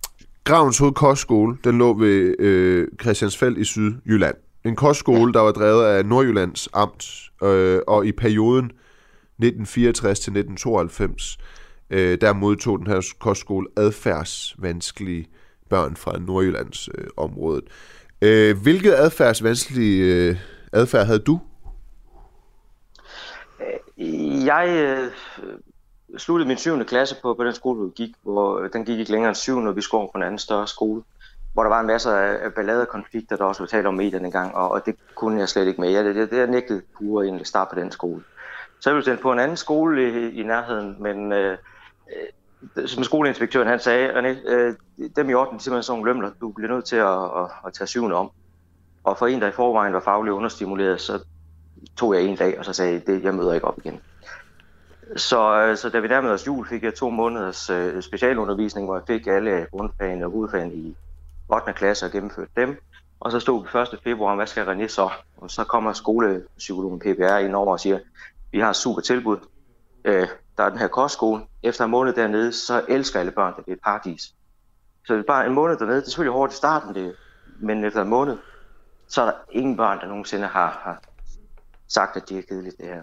Okay. Og der øh, ved jeg jo så også fra, at, fra mine forældre, at den pågældende skolepsykolog så fandt ud af det her øh, mange år efter, så har hun også været utrolig ked af det. Fordi hun har faktisk også sendt sit eget barnbarn derned. Ja, man kan jo sige, at øh, i 19... Altså, det var fra 1964 til 1992, den her skole blev drevet. Øh, revselsesretten i skolen blev afskaffet i 67, så i tre år har det været legalt i hvert fald, at de har brugt øh, øh, en eller anden form for vold. Derfra har det været øh, ulovligt. Det er bare lige for at få fakta på plads. Øhm, der er... Øh, Nu har så altså ikke været carte blanche til øh, enhver form for, for vold. det, det er jeg med på. Nej, nej, det, det, det siger jeg også. Altså, der, det, det, det, er jo, det, det er jeg helt med på. Øh, og det var jo også kun i tre år, altså fra 64 til 67, indtil det blev afskaffet. Men, men jeg er helt med på, at, øh, at det ikke er carte Ja. blanche til hvilken som helst øh, vold, man kan finde på. Øhm, der er en lytter, der, der skriver, der hedder på, på vores Facebook-side, og tak for det, der hedder Andreas Bensen, der skriver, øh, Søbæk skole og opholdsstederne dertil, der blev vi også tæsket og udsat for psykisk terror og alt, hvad der ellers fulgte med. Det er sket næsten alle de steder, jeg boede. Kommunerne lukkede øjnene. Hvidovre Kommune var bare glad for, at vi blev øh, gemt. Og så er der en, der skriver, øh, og det er jo interessant, at, for der har faktisk ikke været så meget aktivitet i vores sms, men det er der kommet nu. Der er en, der hedder Simon, der skriver, jeg var indlagt med anoreksi for 16-17 år siden, og blev også udsat for psykisk og fysisk vold af personalet, som brugte trusler og straf, i stedet for reel behandling. Jeg tror, mange børn er blevet misbrugt af det offentlige, men jeg ved ikke, om der var en tendens på OUH, for ved ikke, om andre har oplevet det samme. Jeg er ikke helt sikker på, hvad OUH er en øh, forkortelse for. Øh, det må vi lige finde ud af. Odense Universitetshospital plejer det at være, men øh, Okay, okay, tak for det. Øh, så, så øhm, ja, der er jo folk, der, der reagerer, og, og, og, og ja, det er jo påstanden indtil videre. Men René Vinding Christensen, hvad vil du gerne øh, som talsperson for de her 31 tidligere elever på Gravens hos Kostskole, der er blevet øh, øh, mis, mishandlet og udsat for misrygt? Øh, hvad, vil, hvad, hvad vil I gerne have? Øh, altså, da vi startede, der var den store målsætning at opnå, at okay, øh, kommunen har altid øh, lukket øjnene og ikke vil tale eller lytte til noget som helst. Øh, så nu lægger vi simpelthen en plan for, hvordan kan vi banke den dør ind og tvinge dem til i det mindste at høre på os. Øh, så vi blev lidt overrasket over at blive mødt med, med åbne arme af, af skoledirektøren og så videre, øh, Mads Jørgensen og, og Jakob Ryttersgaard, og, og, og den har været åben lige siden. Og, så, så vi blev lidt øh, parat med rambukken, og så væltede vi lidt om os selv og siger, det var lige godt pokkers. vi er blevet hørt, troet på og respekteret og forstået igennem hele det her forløb for første gang i, i, i hele vores liv. Øh, og, og, og det har faktisk været så forløsende, at ja, alle os, det har så hovedsageligt været fra midt 80'er til, til deres øh, starten af 90'erne. Folk har væltet ind, men selv elever tilbage fra 70'erne, og har fortalt deres historie, sendt videohilsener og beskrivelser, og det er fra, fra den anden side af verden også, hvor nogen bor øh, stortudende og fortællende, at, hvor, hvor det her bare har været fantastisk og forløsende for dem, at der er nogen, der har troet på dem, og så har alle siddet og tudet af glæde og, og afmagter det hele i et stort sammenhæng. Den glæde og den lykke, det, har, det, det, det var egentlig målet, og jeg havde ikke troet, at vi kunne gøre det på tre dage fra, fra det her startede. Nej. Det, det er fuldstændig surrealistisk. Ja. Og, og, og så efterfølgende kommer så, hvad så nu? Det, Ja, hvad nu har bedt kommunen om, det er, øh, vil I ikke godt undersøge, hvad er mulighederne for, at I kan, kan hjælpe med det her at samle op? Fordi øh, jeg og, og vi er kendte som os tre, der, der, der ligesom har banket løs nu, vi, vi kan ikke magte 150 af, af vores medelever, der som øh, er så følelsesmæssigt påvirket. Nogle er jo ved at falde fuldstændig fra hinanden, både af sorg og glæde i et stort. Er der ikke nogen ressourcer eller muligheder for, at vi kan få noget hjælp, så, så alle de her mennesker kan snakke sammen og få Jeg tror bare- de her ting Ja. igennem? Det har været vores målsætning nu Okay. og her. Er der noget med, at nu har de her godhavsdrengene fået en undskyldning fra statsministeren? Vil I, følge jer, vil jeg, vil I føle jer øh, øh, overset, hvis I ikke fik det? Og i øvrigt heller ikke fik øh, erstatning? Altså først og fremmest, så inden vi overhovedet nåede at tænke på, at der var nogen, der kunne på at sige undskyld, for det havde vi aldrig troet på, øh, ja, så har øh, flere faktisk været ude, også fra politisk hold, og, og på forhånd begyndt at sige undskyld, og, så det har taget os lidt. Og derfor er vi så også blevet tvunget til at forholde os til, som du er inde på nu, jamen, jamen er det fordi, I vil have erstatning? Jamen, øh, vi havde ikke engang troet på, at I ville tro på os. Så vi er først nu og blev bedt om fra både øh, journalister, politikere og lignende, tag lige at forholde jer til det. Øh, og, og, og selvfølgelig, jamen, jeg er ikke to sekunder i tvivl om, at øh, hvis det er som det andet, at det, det bliver anerkendt, Ja. ja. jamen så vil det også være underligt andet end at sige, ja, vi vil egentlig godt have en erstatning, fordi jeg er ikke to sekunder i tvivl om 300.000, det er jo ingen penge. Altså det, men, men det kan være plaster på såret for dem, der har fået opbygget en kæmpe gæld igennem det behandlingssystem og hjælp og psykologer, hvad ellers folk har brug for igennem livet. Selvfølgelig. Men, men om det er på 5.000 eller 300.000 eller, eller en halv million, jeg, jeg tror ikke folk, de har det helt store i det. Øhm, det handler faktisk om anerkendelsen først og fremmest. Helt klart. Og den lyder det som om, i hvert fald øh, lidt hen ad vejen har fået nu. Øh, René ja. Vending Christensen, du er talsperson for 31 tidligere elever på ja, nu, nu er det nok ja. nærmere over 100. Ja. Okay, ja ja. Det, men, men sagen er så verserende lige nu, at det er påstand mod påstanden. Der er immer væk øh, rigtig mange, der kommer ud og, og har oplevet det samme, så det kunne tale for, at der øh, måske er noget om sagen. Det er bare for øh, lige at holde øh, den juridiske stil og en enkelt medarbejder, der har, en- har bevidnet og bekræftet, at vi taler sandt. Ja. Talsperson for måske omkring 100 tidligere elever på Gravens Hoved Kostskole. Øh, René Vending Christensen, tusind tak, fordi du var med. Selv tak. Du lytter til Den Uafhængige. Danmarks måske mest kritiske, nysgerrige og levende taleradio. Som politikerne ikke kan lukke. Mere end 3.000 medlemmer støtter os allerede, og jo flere vi er, jo mere og jo bedre journalistik kan vi sende ud til dig. Se hvordan du kan støtte os. Gå ind på duah.dk. Må simpelthen bare sige, at jeg er en lille smule forkølet, hvis nogen kunne høre det. Du lytter til en uafhængig morgen med mig, Nima Samani. Og hvis du kan lide det, du hører, så gå ind og... Vi er jo et, øh, sta- øh, et medie, undskyld, der er fri af statsstøtte, så øh, vi vil meget gerne have din hjælp. Det er din hjælp, der gør, at jeg kan stå her i dag, og min øh, øh, producer kan stå derude, og alle de journalister, der graver. Det er takket være jer, det er fordi I støtter med 39 kroner om måneden. Det kan du altså også gøre, hvis du lytter med og endnu ikke er medlem. Så støtter os på duah.dk for 39 kroner om måneden uden binding. Det giver dig adgang til vores virtuelle redaktionslokale, hvor du kan være med til at øh, ja, rose og kritisere os værter, men også komme med, øh, med gode idéer til indhold eller historier, som I mener burde øh, undersøges noget mere, end det allerede bliver i medierne. Øh, ja, men som sagt, hvis jeg lyder lidt snottet, så er det min bihuler. Allan Brand, Allan Randrup siger det jo. Det måtte jo ske, efter vi alle sammen har været så hygiejnisk under coronaen, at øh, vi bliver ramt af et eller andet øh, nu her. Vi skal til noget absolut helt andet end det, det tidligere indslag nu. Vi skal tale med øh, Daniel Nibur, som er fodboldfan, og øh, han var altså øh, inde og se kampen mod øh, Østrig, hvor vi vandt 1-0, og dermed kvalificerede os til VM i Katar, altså det danske herrefodboldlandshold, hvis nogen skulle øh, være i tvivl. Så er det så sidenhen blevet diskuteret, det var det også under kvalifikationen, og egentlig også før, øh, om vi overhovedet skal tage til øh, VM i Katar, fordi ørkenstaten har brugt migrantarbejdere, som har arbejdet under slavelignende forhold, øh, til at bygge de her stadions. Og øh, DBU har øh, erklæret sig uenige i beslutningen om at afholde VM i Katar, men de vil ikke overveje boykot, medmindre det er støttet af et flertal i Folketinget. Så det er jo egentlig meget smart, at man fra sportslig side har lagt det over på øh, politikernes skuldre. Alligevel, selvom DBU har erklæret sig uenig i beslutningen om at afholde VM, så fik en tilskuer, som sagt, Daniel Nibor, under tirsdagens kamp taget sit boykot VM i Katar 2022 flag øh, væk af sikkerhedsvagter, angiveligt på øh, DBU's ordre. Vi har uden held forsøgt at få øh, DBU med, men Daniel Nibor, du er i hvert fald med. Velkommen til. Ja, ja godmorgen. Godmorgen. Øh, hvad skete der? øh, inde i parken Ja, i forgårs. Ja, ja. prøv at tage os øh, Øh, med til, hvad der sker. Jamen, det er en kammerat og jeg, som har fået trykt det her banner, hvorpå der står Boycott Qatar 2022.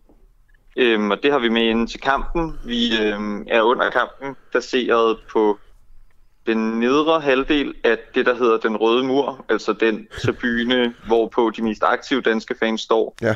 øhm, hvor vi befinder os på række 30, altså langt inde under den øvre halvdel, altså sådan lidt, altså, øh, hvad siger den, den, den skygger jo lidt for der, hvor vi er, men der har vi banneret med, øh, og har, øh, har det oppe under nationalmelodien, øh, og pakker det så væk igen under kampen. Og efter kampen, hvor spillerne render rundt og fejrer øh, sejren og kvalifikationen, øh, får taget billeder og givet trøjer til alle de børn, der står med, med skilte og hvad de ikke gør, øh, så går vi så ned øh, længere fremme på tribunen og tager bandet frem igen.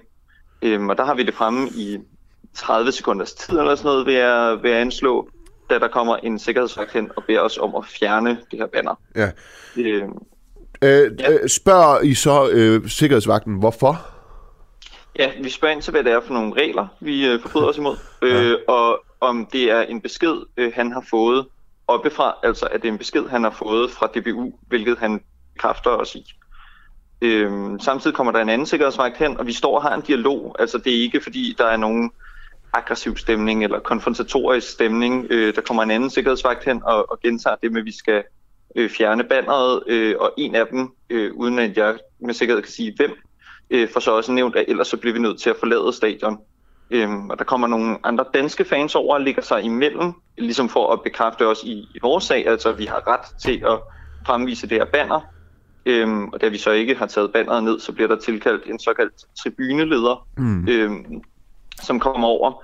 Og siden vi sådan ligesom antager, at hun må være lidt højere i det her sikkerhedshierarki, Ja. så spørger vi også hende ind til, hvad det er for nogle regler, hvor hun så siger, at det er UEFA's regler. Ja. Og får så også nævnt, at man kunne jo risikere at krænke katarerne.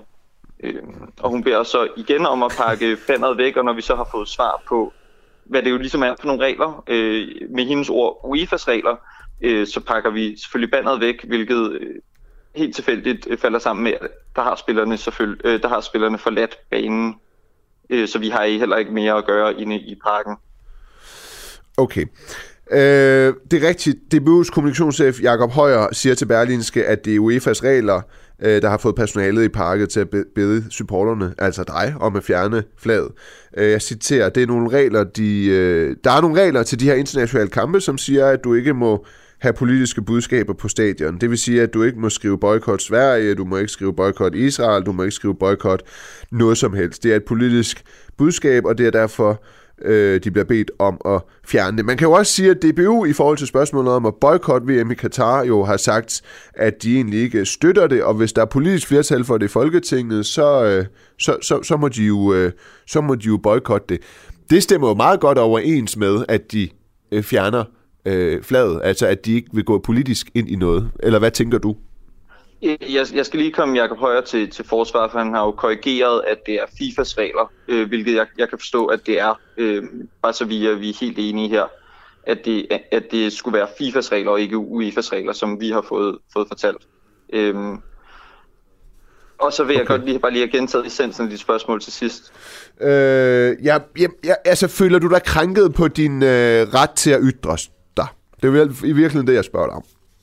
Åh, oh, krænket og krænket, ikke? Åh oh, jo, men det ikke, behøver ikke at være ja. negativt lavet. Altså, føler du dig... Jeg synes, jeg, synes, det er, jeg synes, det er ærgerligt, at man ikke har muligheden for, på det, som jo er den største fodboldplatform herhjemme, mm. altså et, et fyldt parken øh, foran det bedste danske landshold nogensinde, og stort tillykke til dem i øvrigt med en rigtig flot kvalifikation, men foran det bedste danske landshold nogensinde, foran den største fanopbakning til det danske landshold, i hvert fald i det her årtusind, og foran en kæmpe mediebevågenhed, at man ikke kan ytre sig kritisk om det her forestående VM. Altså det er jo ikke Katar som land som sådan, vi protesterer mod. Det er VM i Katar, øh, at man ikke kan, kan ytre sig øh, kritisk om det, eller ytre sin holdning om det øh, på den måde. Okay. Øhm, hvorfor var du egentlig inde og se kampen? Fordi jeg er først og fremmest stor fodboldfan. Jeg er stor fan af det danske landshold som hold og som kulturinstitution, og det har jeg været længe. Øh, og jeg var taget til den kamp derinde, uanset hvem vi skulle møde og i hvilken anledning vi skulle spille.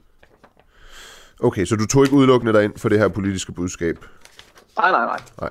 Okay, Daniel Nibor, du er altså fodboldfan. Du var inde og se Danmarks sejr over Østrig på 1-0, og dermed en målscore på 27-0, var. Øhm, men øh, du mener altså, at Danmark ikke bør med, tage med til VM i Katar, øh, på grund af brud på menneskerettigheder og slavelignende forhold, og det ytrede du via et øh, banner, eller et flag, øh, i parken, som blev frataget dig. Tusind tak, fordi du var med. Jo tak. Fortsat goddag. I lige måde. Mm, der kommer en kort jingle der. Sådan. Og, og, og hvilken mikrofon er han så på? Peter Marcel, min producer. Han er på den der. Okay. Velkommen til. Uh, du skal lige have den på. Ja, mi- Nå, jeg kan lige præsentere, hvad der skal ske nu. Ja, det er uh, Mi- Michel. Ja. Ja, Vestergaard, som er medlem øh, af konservative studerende, studerende på SDU og formand for Nyborgerligs Ungdom i Storkøbenhavn. Velkommen til. Jo, tak. Øh, spørgsmålet er, om en ung politiker, altså dig, Michel Vestergaard fra Nyborgerlige, har lavet fake news om Syddansk øh, Universitet. Øh, Michel Vestergaard fra Nyborgerlige Ungdom i Storkøbenhavn harcelerer du harcelerer i en berlinske klum mod kultur, radikale ledelse og politisk motiverede forskere, og siger, at Syddansk Universitet har indført, øh, mm, skal jeg lige se her, ja, kønskvoter. Ja, altså, øhm, jeg synes, at vi skal passe på med at læse mere end præcis det, jeg skriver. Ja, øhm. altså, altså det, du har harceleret over, det er, at der er blevet indført på filosofistudiets pensumlister, at der skal være et bestemt antal kvinder i de studerendes litteratur. Ja, altså øhm, på pensumlisterne fremgår det af nogle referater fra studienævnet, at, øhm, ja, at man ligesom har øh, gået ind for øh, at lave de her tiltag, øhm, som vil gøre, at der minimum skal være 30% kvinder øh, på pensumlisterne øh, på SDU, på filosofi. Ikke? Ja. Øhm, og som jeg prøver at komme ind på før, vi skal ikke læse mere end det, jeg skriver. Det er, det er ikke noget, som en eller anden højere bestyrelsesmagt eller ledelsen på SDU har vedtaget det her. Hvad er det så? Jamen, det er nogle øh, tiltag fra øh, et studienævn. Jeg kan for eksempel øh, hive nogle referater med, som jeg har med i dag. Ja. Øhm, så det er ikke sådan, hvad skal man sige, ja, en, en officiel øh, kønskvotepolitik på hele SDU, men der fremgår øh, nogle aftaler blandt underviserne om, at de skal, øh, ja, at de skal anføre, øh, hvor mange øh, kvinder der er på pensum, og det er helst skal være øh, med 30% ikke-mandlige. Er det, er det sådan nogle øh, uofficielle aftaler, eller hvad? Det er en kollegial aftale. Okay. Øhm, og det første referat, som jeg... Men, øh, men, men en kollegial aftale, du, jeg vil gerne høre om referatet, helt klart. En kollegial aftale, betyder det, at, øh, at, øh, at det er faktuelt? At det er sådan, det udmyndter sig? Eller er det bare noget snak, der har været? Fordi øh, SDU har på skrift dokumenteret for os, at der ikke er kønskvoter øh, på universitetet. Øh, altså simpelthen sort på hvidt skrevet til os, at der ikke er kønskvoter, så øh, tager, du fejl, eller har du overfortolket kollegiale aftaler? Nej, øh, jeg, jeg tager ikke fejl. Altså, det er sådan, at der, de her øh, referater er over et halvt år gamle, og hvis der bare i ja, et halvt år eller et års tid har været øh, nogle, hvad skal man sige, uofficielle øh, kønskvoteringer, øh, så må man jo bare øh, acceptere, at det er øh, noget, der er indført på øh, uofficiel vis. Det er noget, der er indført på uofficiel Ja, altså det er ikke noget, som, så- altså, som jeg kom ind på før, det er jo ikke noget, som, øhm, som ledelsen på, øh, på SDU har været ude at vedtage i en eller anden øh, vedtægt. Det her, det handler om, at, at det er internt på filosofistudiet, der er forskerne blevet enige om, at man ligesom går bag om den officielle aftale, Mm. øh, og, så, og, så- og, og så vælger man altså øh, i studienævnet, som jo består af forskere øh, og studerende og så en studieleder, at det skal være sådan her. Okay. Øhm, og i, øh, i Berlingske, der, der linker de nemlig kun til det første af det referat, øh, eller af de referater, som jeg har med i dag. Mm. Øhm, og der kan man jo godt tro, at, at det er lidt en, øh, en, en tynd historie, om man vil, fordi der står her øh, minimum 30% ikke-mandlige øh, filosofer på Pensa, Ja. og ingen Pensa, som udelukkende består af mandlige filosofer. Mm. Efterfølgende så står der så også, at forslaget øh, vedrørende det her Pensa ikke er et bestandigt krav. Og det er jo nok det, som, øh, som, som ledelsen eller øh, pressetjenesten i SDU, de refererer til. Øhm, det kan vi komme tilbage Men, til men senere. prøv, du, du studerer jo selv her, ikke også? Det gør jeg. Ja. Øh, oplever du i selve pensum, at øh, der er øh, øh, en kønskvotering? Øh, nej, fordi jeg er ikke selv studerende på filosofi. Okay. Jeg studerer noget kommunikation, hvor jeg, jeg har været inde og grave efter det. Der er heldigvis ikke noget, og det er jeg selvfølgelig meget glad for. Øhm, Der er ikke, der er ikke kønskvotering? øh, ikke hvad jeg ved af på mit eget studie. Øh, Nej, på, men på filosofistudiet? på filosofistudiet, der er der. Okay, så du har talt med, med, med studerende, eller du kan dokumentere, at der simpelthen er øh, kvoter for, hvor mange mandlige forfattere og kvindelige forfattere, man skal lære om? Der er i hvert fald øh, øh, ja, altså sådan en uofficiel kvote i form af en kollegial aftale, øh, og den, øh, den mm. står øh, sort på hvidt her. Der Okay. står, desuden findes en kollegial aftale blandt undervisere om at angive på pensum, hvordan forfatterne fordeler sig på køn, helst med minimum 30% ikke-mandlige forfattere. Ja. Og det er meget vigtigt, at vi lige hæfter os ved det her helst. Mm. Fordi så er der nemlig en kollegial øh, aftale øh, blandt øh, forskere, ja. hvor at, at, at det simpelthen er en, y, en, en, en, en uofficiel øh, kønskvotering, Ja. og det gør overhovedet ikke sagen bedre, at det ikke er officielt. At det ikke, altså at det er internt. Fordi når man går bag om studieordningen på den her måde, og aftaler det internt, Mm. øhm, så... Øhm, ja, og... og øh, Ja, jeg forstår godt, hvis man får det frem i lyset, så, så kan man bedre forholde sig til det. Ikke? Absolut, det, og, og man, man Men- må jo forvente fuld Ja. ja. gennemsigtighed fra øh, et statsbetalt øh, øh, universitet som ja. SDU, og, og at det ikke er noget, man skal ind og finde på et eller andet referat, Men der det er er sjovt, at den mørkeste læser- afkrog du af, læser- af, af SDU's hjemmeside. At du læser ordet helst på den måde, fordi jeg læser det på en anden måde. Jeg læser det som, at det ikke er nogen officielle øh, regler, men det er fint nok, at man har det med i betragtningen. Så hvis ikke der er kønskvoter i forhold til fordeling af forfattere i pensum, altså forfatternes køn, så, øh, så er det ok, men det er også godt nok, at man, man har det for øje. Jeg vil bare lige... Øh, så, så spørgsmålet er, altså jeg ved ikke, om spørgsmålet er, at du leverer fake news, men spørgsmålet er, om du øh, har overfortolket, eller du har harceleret for meget. Der er jo en forskel på, om det er en tynd sag, Nej, altså, eller om det er fake news. Men prøv lige at høre her. Øh, det er bare fordi, at formanden for studienævnet øh, på filosofiuddannelserne har skrevet til os, den uafhængige, øh, som svar på din anklage. Øhm, I et læserbrev af klummeskribent Michel Vestergaard, altså dig, i Berlinske mm. den 11. oktober, kunne man læse, at der er indført kvoter for, hvor stor en del af pensum på filosofiuddannelsen på SDU, der må være skrevet af mandlige forfattere. Mm. Skribenten er imidlertid forkert underrettet. Der er ingen kønskvoter for Pensa på øh, filosofiuddannelsen eller andre steder på SDU. Som på enhver anden universitetsuddannelse er det uddannelsens studieordning, der fastsætter de overordnede rammer for tilrettelæggelsen af kurser og dermed rammerne for sammensætning af pensum. Da studieordningen ikke rummer bestemmelser angående kønsfordeling på pensum, er der således ingen krav til underviserne i forhold til kønskvotering. Sammensætningen af et pensum skal derimod til enhver tid være baseret på faglige hensyn. Det står dermed enhver underviser på filosofiuddannelsen frit for at sammensætte pensum inden for studieordningens rammer. Så med andre ord, det er ikke en regel, det er ikke en krav, det er ikke en forpligtelse, men en underviser har selvfølgelig undervisningsfrihed og kan derfor vælge at fordele pensum ud fra, at der er en lige repræsentation af kvinder og mænd. Altså ja, øh, det må man da håbe, at det er sådan. Det fremgår ikke helt sådan af de referater, som jeg har med i dag. Øhm, blandt andet er der den her øh, kollegiale aftale. Det er måske også vigtigt at komme ind på, at studienævnet jo både er, altså de bestående af forskere og studerende, mm. det er både dem, der øh, fremsætter forslag, det er sådan set også dem, der vedtager dem. Og, og i og med, at man har fremsat sådan et her, hvad skal man sige, lidt mere øh, uofficielt forslag, som øh, man hæfter sig ved, om, som man øh, sørger for, at, øh, at, at det ligesom kommer til at ske. Der går blandt andet folk rundt og minder underviserne om, at de skal gøre det her. Øhm, så må man jo også, øh, ja, altså så må man forvente, at hvis det var, at øh, de vil have de her øh, kønskvoter, øh, at de så gør det til en officiel ting.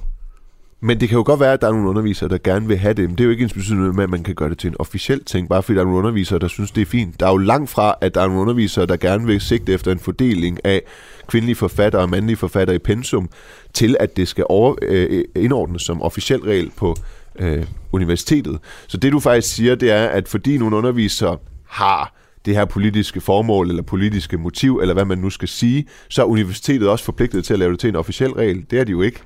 Øh, nej, men øh, i et andet referat, jeg har med i dag, der fremgår det af, af studienævnet, at de hilser de her ligestillingstiltag velkommen. Det vil altså sige, at... Men hvad er der galt i det?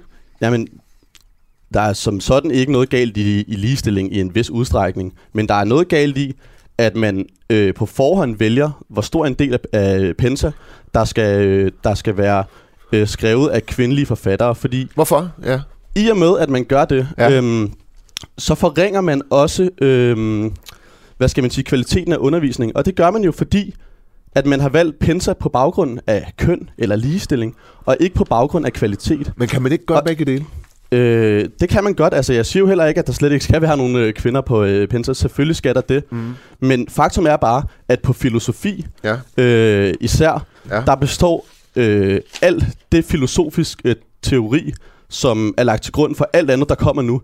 Det er jo skrevet af, øh, af hvide gamle mænd tilbage for mange, mange år siden. Øh, altså øh, Platon, øh, Kant og så videre, ikke? Jo. Øhm, Men, dem, men det er jo ikke ens betydende med, at man ikke kommer til at blive undervist i dem. Nej, det siger jeg heller ikke. Nå. Men jeg siger bare, at hvis man på forhånd vælger, hvor stor en andel øh, af pensa, der skal skrives af kvinder, så går man på øh, kompromis med kvalitet. Ja. Og, det, og det gør man jo fordi, at oplysning er øh, eksistensgrundlaget for skolegang og uddannelse. Og oplysning kommer ikke, eller jo, det kommer på baggrund af faglighed. Det kommer ikke på baggrund af kønspolitik eller kønskvoteringer. Øhm, så det er det her med, at man tilsidesætter det faglige niveau, øh, når øh, pensum det vælges Men det gør man ikke nødvendigvis. Ikke kvalitet. man kan jo for eksempel i en virksomhed, hvis man vil gerne vil have flere kvinder, så mm. kan man jo øh, ansætte en kvinde, der både opfylder det faglige niveau, øh, og er kvinde. Det er jo ikke ens betydende med, at vedkommende bliver valgt, fordi ved, altså, vedkommende er dårligere eller kvinde. Altså, og der er jo tale om minimum 30 procent, mm. det er et intentionspapir. Det vil mm. sige, det er ikke et krav, der forpligter, men 30 procent ikke mandlige filosofer på, på Pensa, så det er jo ikke engang 50-50. Nej, nej, men øh, jeg synes heller ikke, at vi skal gøre det op i tal overhovedet. Jeg synes, vi skal gøre det op øh, i faglighed. Ja. Det her materiale, det skal vælges på et fagligt grundlag. Øhm, og gør man ikke det, så tilsidesætter man øh, den kvalitet, der må være øh, øh, af undervisning og af det materiale, som men, der men, men i sidste ende skal føre til I, I oplysning. bund og grund har du jo, jeg forstår, jeg forstår godt, hvad du mener, at, at det kan være en risiko, men i bund og grund har du ingen dokumentation for, at den faglige kvalitet er blevet tilsidesat ved, at man har en blandt nogle af undervisere en intention om også at få kvindelige øh, filosofer med i pensum. Det, men, men det er noget, du Nej, konspirerer. Det, Nej, nej, men hør- prøv at høre. Ja. Øhm, det drejer sig om, at øh, de her øh, forskere og professorer og hvem der ellers underviser, Ja. øh, de har valgt et pensum på Ja. forhånd. Det kan være, at de har undervist i det i mange år. Og at man nu tvinger dem til at skulle vælge et nyt men der er nogen, pensum. der tvinger dem til det. Hvem tvinger dem til det?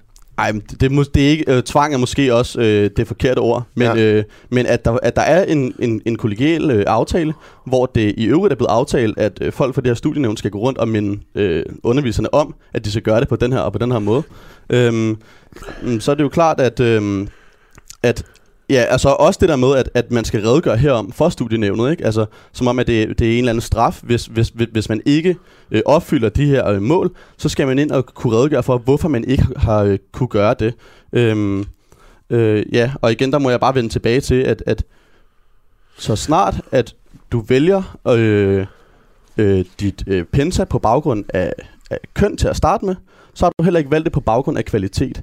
Fordi hvis du går ind og vælger det på baggrund af kvalitet, så vælger du øh, alle de teoretikere og filosofer og forfatter, øh, som du synes er mest relevant. Ja, men, Og det gør du jo netop ikke, hvis det er på, bestemt på Nej, forhånd, fordi så skal du gå ind. Men Michel Vestergaard, man kan jo også som underviser gå ind og se, okay, kunne man måske præsentere eleverne for, at der faktisk også er kvinder, der gennem historien har haft nogle tanker om, hvordan samfundet skal opbygges, og mennesker skal øh, begå sig.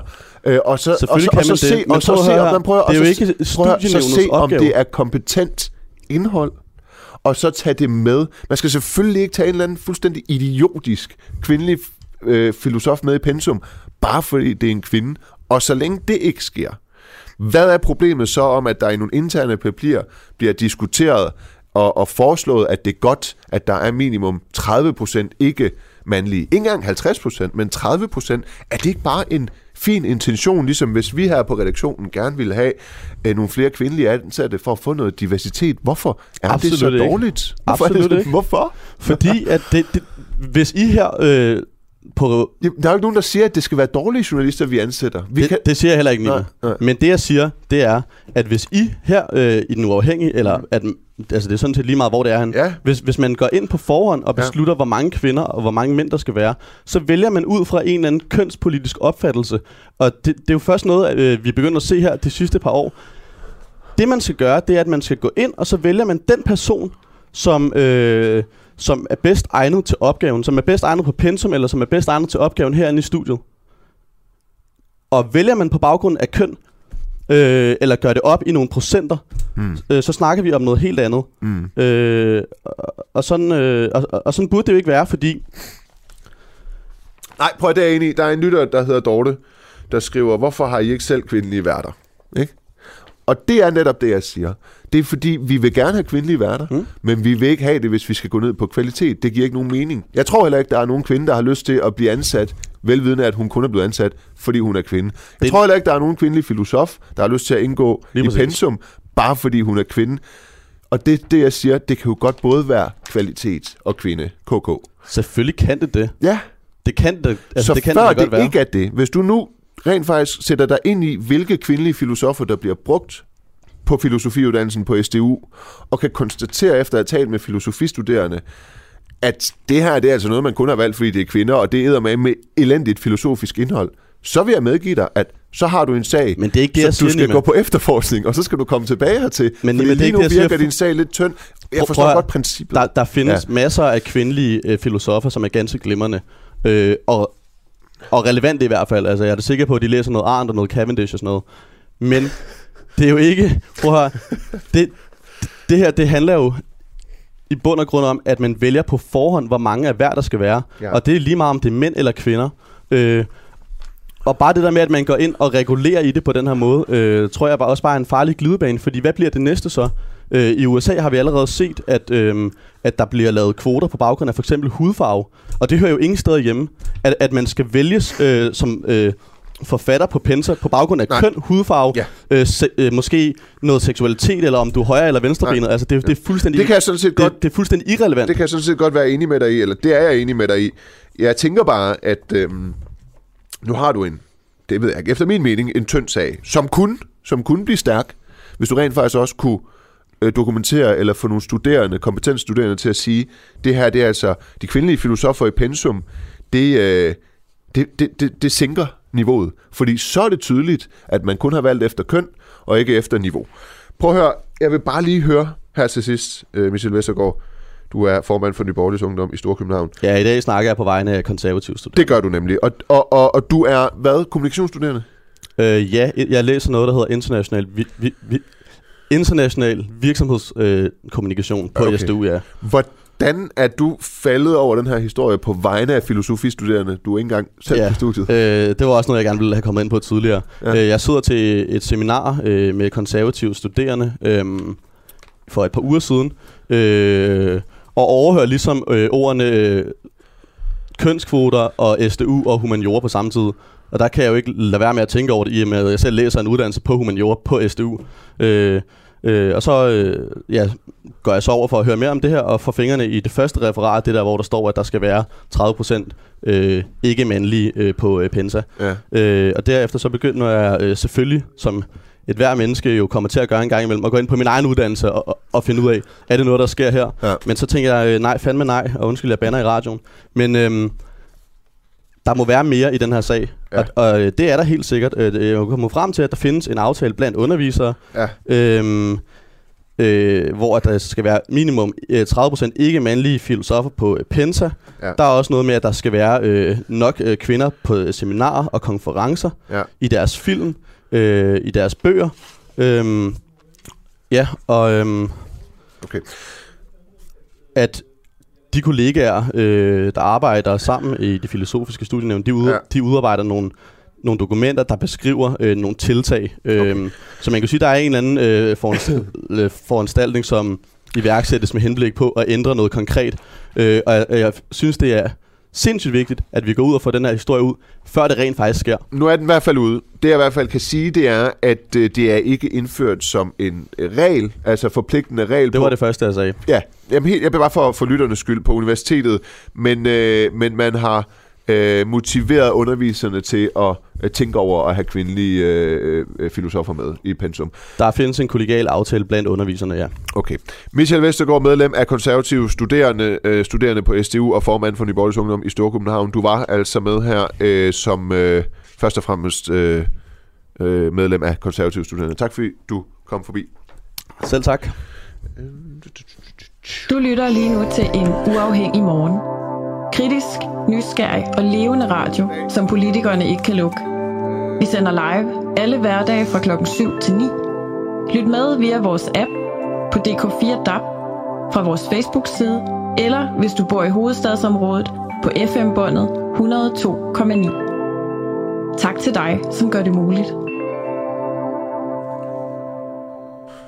Ja, vi skynder os videre, fordi i slutningen af udsendelsen skal vi tale med Dennis Selinci, som er journalist og forfatter til en række bøger om IS, og vi skal tale med ham om, hvorvidt de her danske Syriens kvinder, som man nu har evakueret hjem, de har udvist øh, radikal øh, adfærd rejste til Syrien for at tilslutte sig islamisk stat. Men først skal vi lige hurtigt forbi øh, Bo Hammer, der er tidligere jobcenterchef i Tornby Kommune, og det skal vi, fordi vi vil gerne have svar på, om Tornby Kommune øh, har svaret ordentligt på beskyldninger om lovbrud og fusk simpelthen. I sidste måned begyndte vi at grave i Tornby øh, Kommune, og det gjorde vi, fordi der er kommunalvalg øh, i november måned. Men vi begyndte at grave i, øh, at en tidligere ansat tippede os om, at den systematisk omgår udbudsreglerne. Altså Tornby Kommune omgår udbudsreglerne, de giver...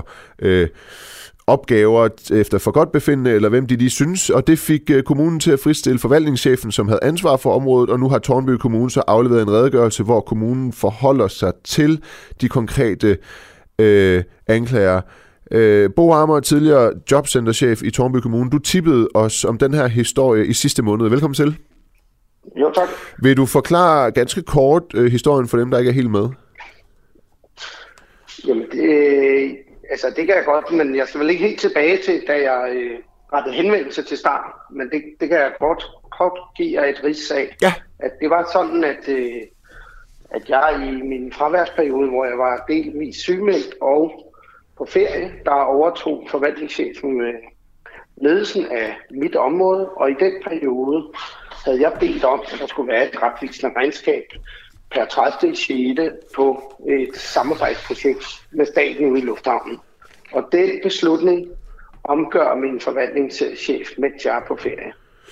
Og det er, jo, det er jo princippet det, der får mig til at henvende mig til start. Jeg har så også peget på en række andre ting, ja. som jeg mener er på kant med loven, og det er jo det, som man forholder sig til i redegørelsen. Ja, for hvad skriver Tornby Kommune så i sin redegørelse nu?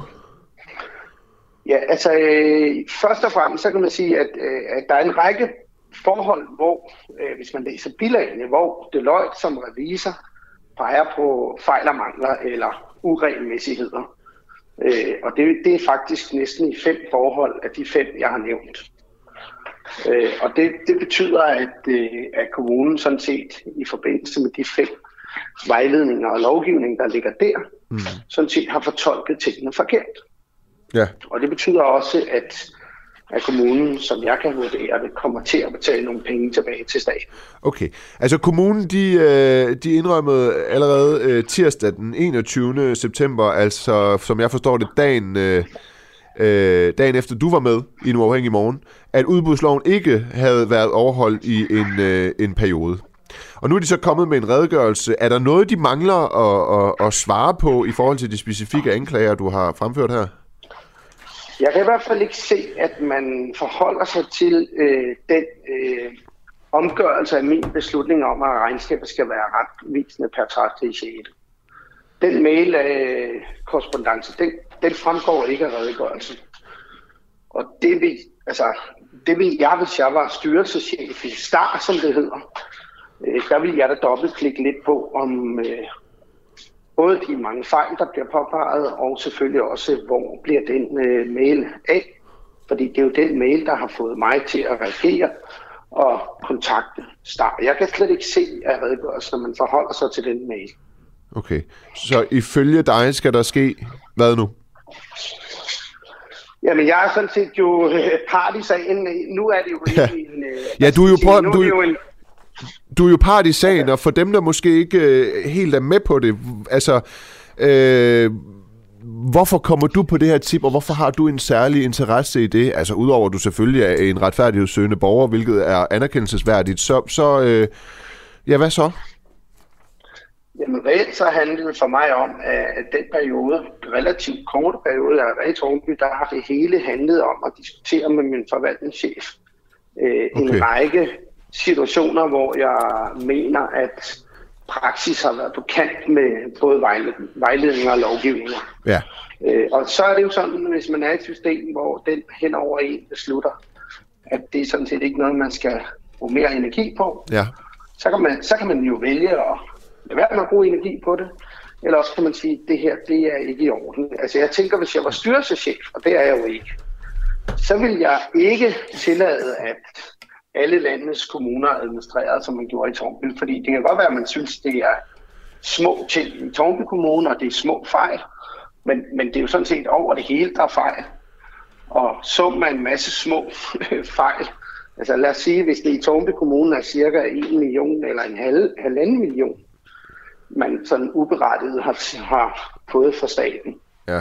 Ja, så kan, man, så kan man jo gange det op på landsplan, og så er det en 200 millioner, man skal acceptere øh, fejl og mangler i, i den kommunale administration. Det er jeg ikke sikker på, at en styrelseschef ville synes er rimeligt.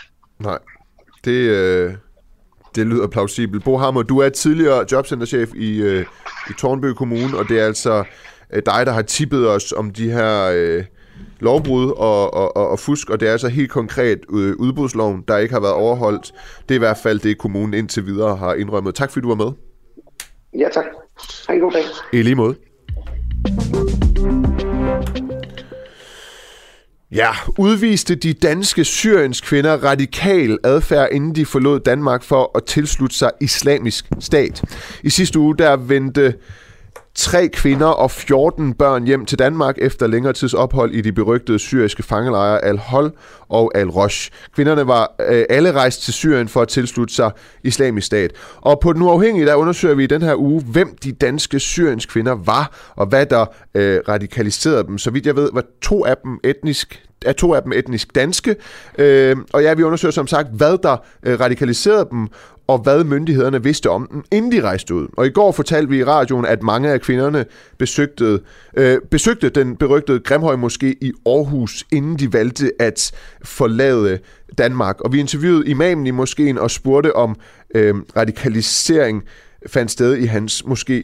Det afviste han, selvom det altså var øh, 22 ud af Nej, bliver du rystet på Ved du hvad, så tager jeg dig bare med nu. Denise Sedinci, du er journalist og IS-ekspert. Du arbejder lige nu på en bog om danske kvinder. IS, du ryster på hovedet. Jeg kan lige så godt tage dig med. Du er jo eksperten. Velkommen til. Mange tak.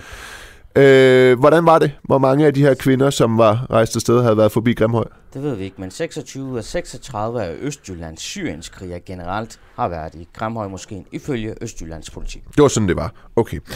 I forhold til spørgsmålet om... Øh, om, om de danske syriens kvinder udviste øh, radikal adfærd, inden de rejste til Syrien for at tilslutte sig islamisk stat. Hvad ved du om det? Jeg er i gang med at skrive en bog om to søstre. De forlod Danmark den 26. maj 2016. Den ene skrev på Facebook for enden. Osama Bin Laden må Guds fred og noget og barmhjertighed være med ham. Han er manden, der opgiver slotte og paladser for at forsere disse mennesker. En hver, der påstår, at Osama har gjort en masse forfærdelige ting, bør fremlægge direkte beviser. Må han få det højeste af det højeste i paradiset. Amen. Efter hun skriver det her, den her kvinde, så er der flere muslimske gymnasiekammerater, der sletter den her kvinde fra Facebook, fordi de synes, hun er for ekstrem. Okay. Altså, de øvrige muslimske elever, de er mere moderate i det. Ja. Så de får nok af det. Så er okay. der selvfølgelig andre øh, Facebook-beskeder fra hende også. Øh, er det her, øh, det her det er en af de tre kvinder? Nej, ikke en af de tre kvinder. Det er en af de kvinder, der tog til Syrien. Hun er, hende, hun er ikke kommet tilbage til Danmark. Hun er ikke kommet tilbage til Danmark? Nej. Okay. Øh, hvad med i forhold til dem, der er kommet tilbage til Danmark? Ved vi noget om, hvilken adfærd de har udvist, inden de tog afsted? De har ikke været så, hvad skal vi sige, åbenlyse på Facebook, men øh, vi ved jo, at de også er kommet med nogle synspunkter, som øh, mere moderate muslimer i deres bagland har fundet for ekstrem. Hvad er det for nogle synspunkter, og, og hvordan er de kommet til udtryk, og hvor? Det er kommet til udtryk ved, at de er begyndt at øh, tildække sig mere. Tildække sig mere. Øh, Der bliver lige rettet på din mikrofon, Dennis Selinci. ja. De er begyndt at tildække sig mere. Tildække sig mere. Eksempelvis begyndte to af dem at konvertere til islam, og så begyndte de at følge øh, en øh, mere salafistisk version af islam, altså salafisme, som jo er den her meget puritanske og fundamentalistiske fortolkning af ja. islam. Men når du siger tildække sig mere, øh, skal jeg så forstå det som, som, som burka eller hvad? Fordi det er jo ikke nødvendigvis radikal adfærd at tildække sig mere. Nej, nej. Jamen, øh, de begyndte at gå med slør, og så da de tog derned, så begyndte de at gå med niqab. Men jeg har ikke så meget kendskab til, hvad de tre kvinder har gjort, inden de tog derned. Okay. Altså grunden til det her, det er relevant, om de har udvist radikal adfærd, inden de tog derned. Det er jo fordi, at de er kommet, de blev evakueret, og så er de kommet direkte hjem til en, hvad skal man sige, per automatik terrorsigtelse, fordi de har været øh, dernede. Så er det jo relevant, om man har det og baserer det på noget. Ikke? Øh, øh, vidste PT, at øh, de her kvinder var i gang med at blive radikaliseret, inden de tog afsted. Ved du noget om det? Jeg kender jo ikke det, jeg ved ikke i forhold til de der tre kvinder, der er kommet tilbage, men hvis vi tager kvinderne generelt, som er taget Ja. til Syrien fra ja. Danmark, der er cirka 25 af dem. Ja. Der er der flere sager. Der er en, der fik fem års fængsel her for et par uger siden. Hun hedder Aya Al-Mansi.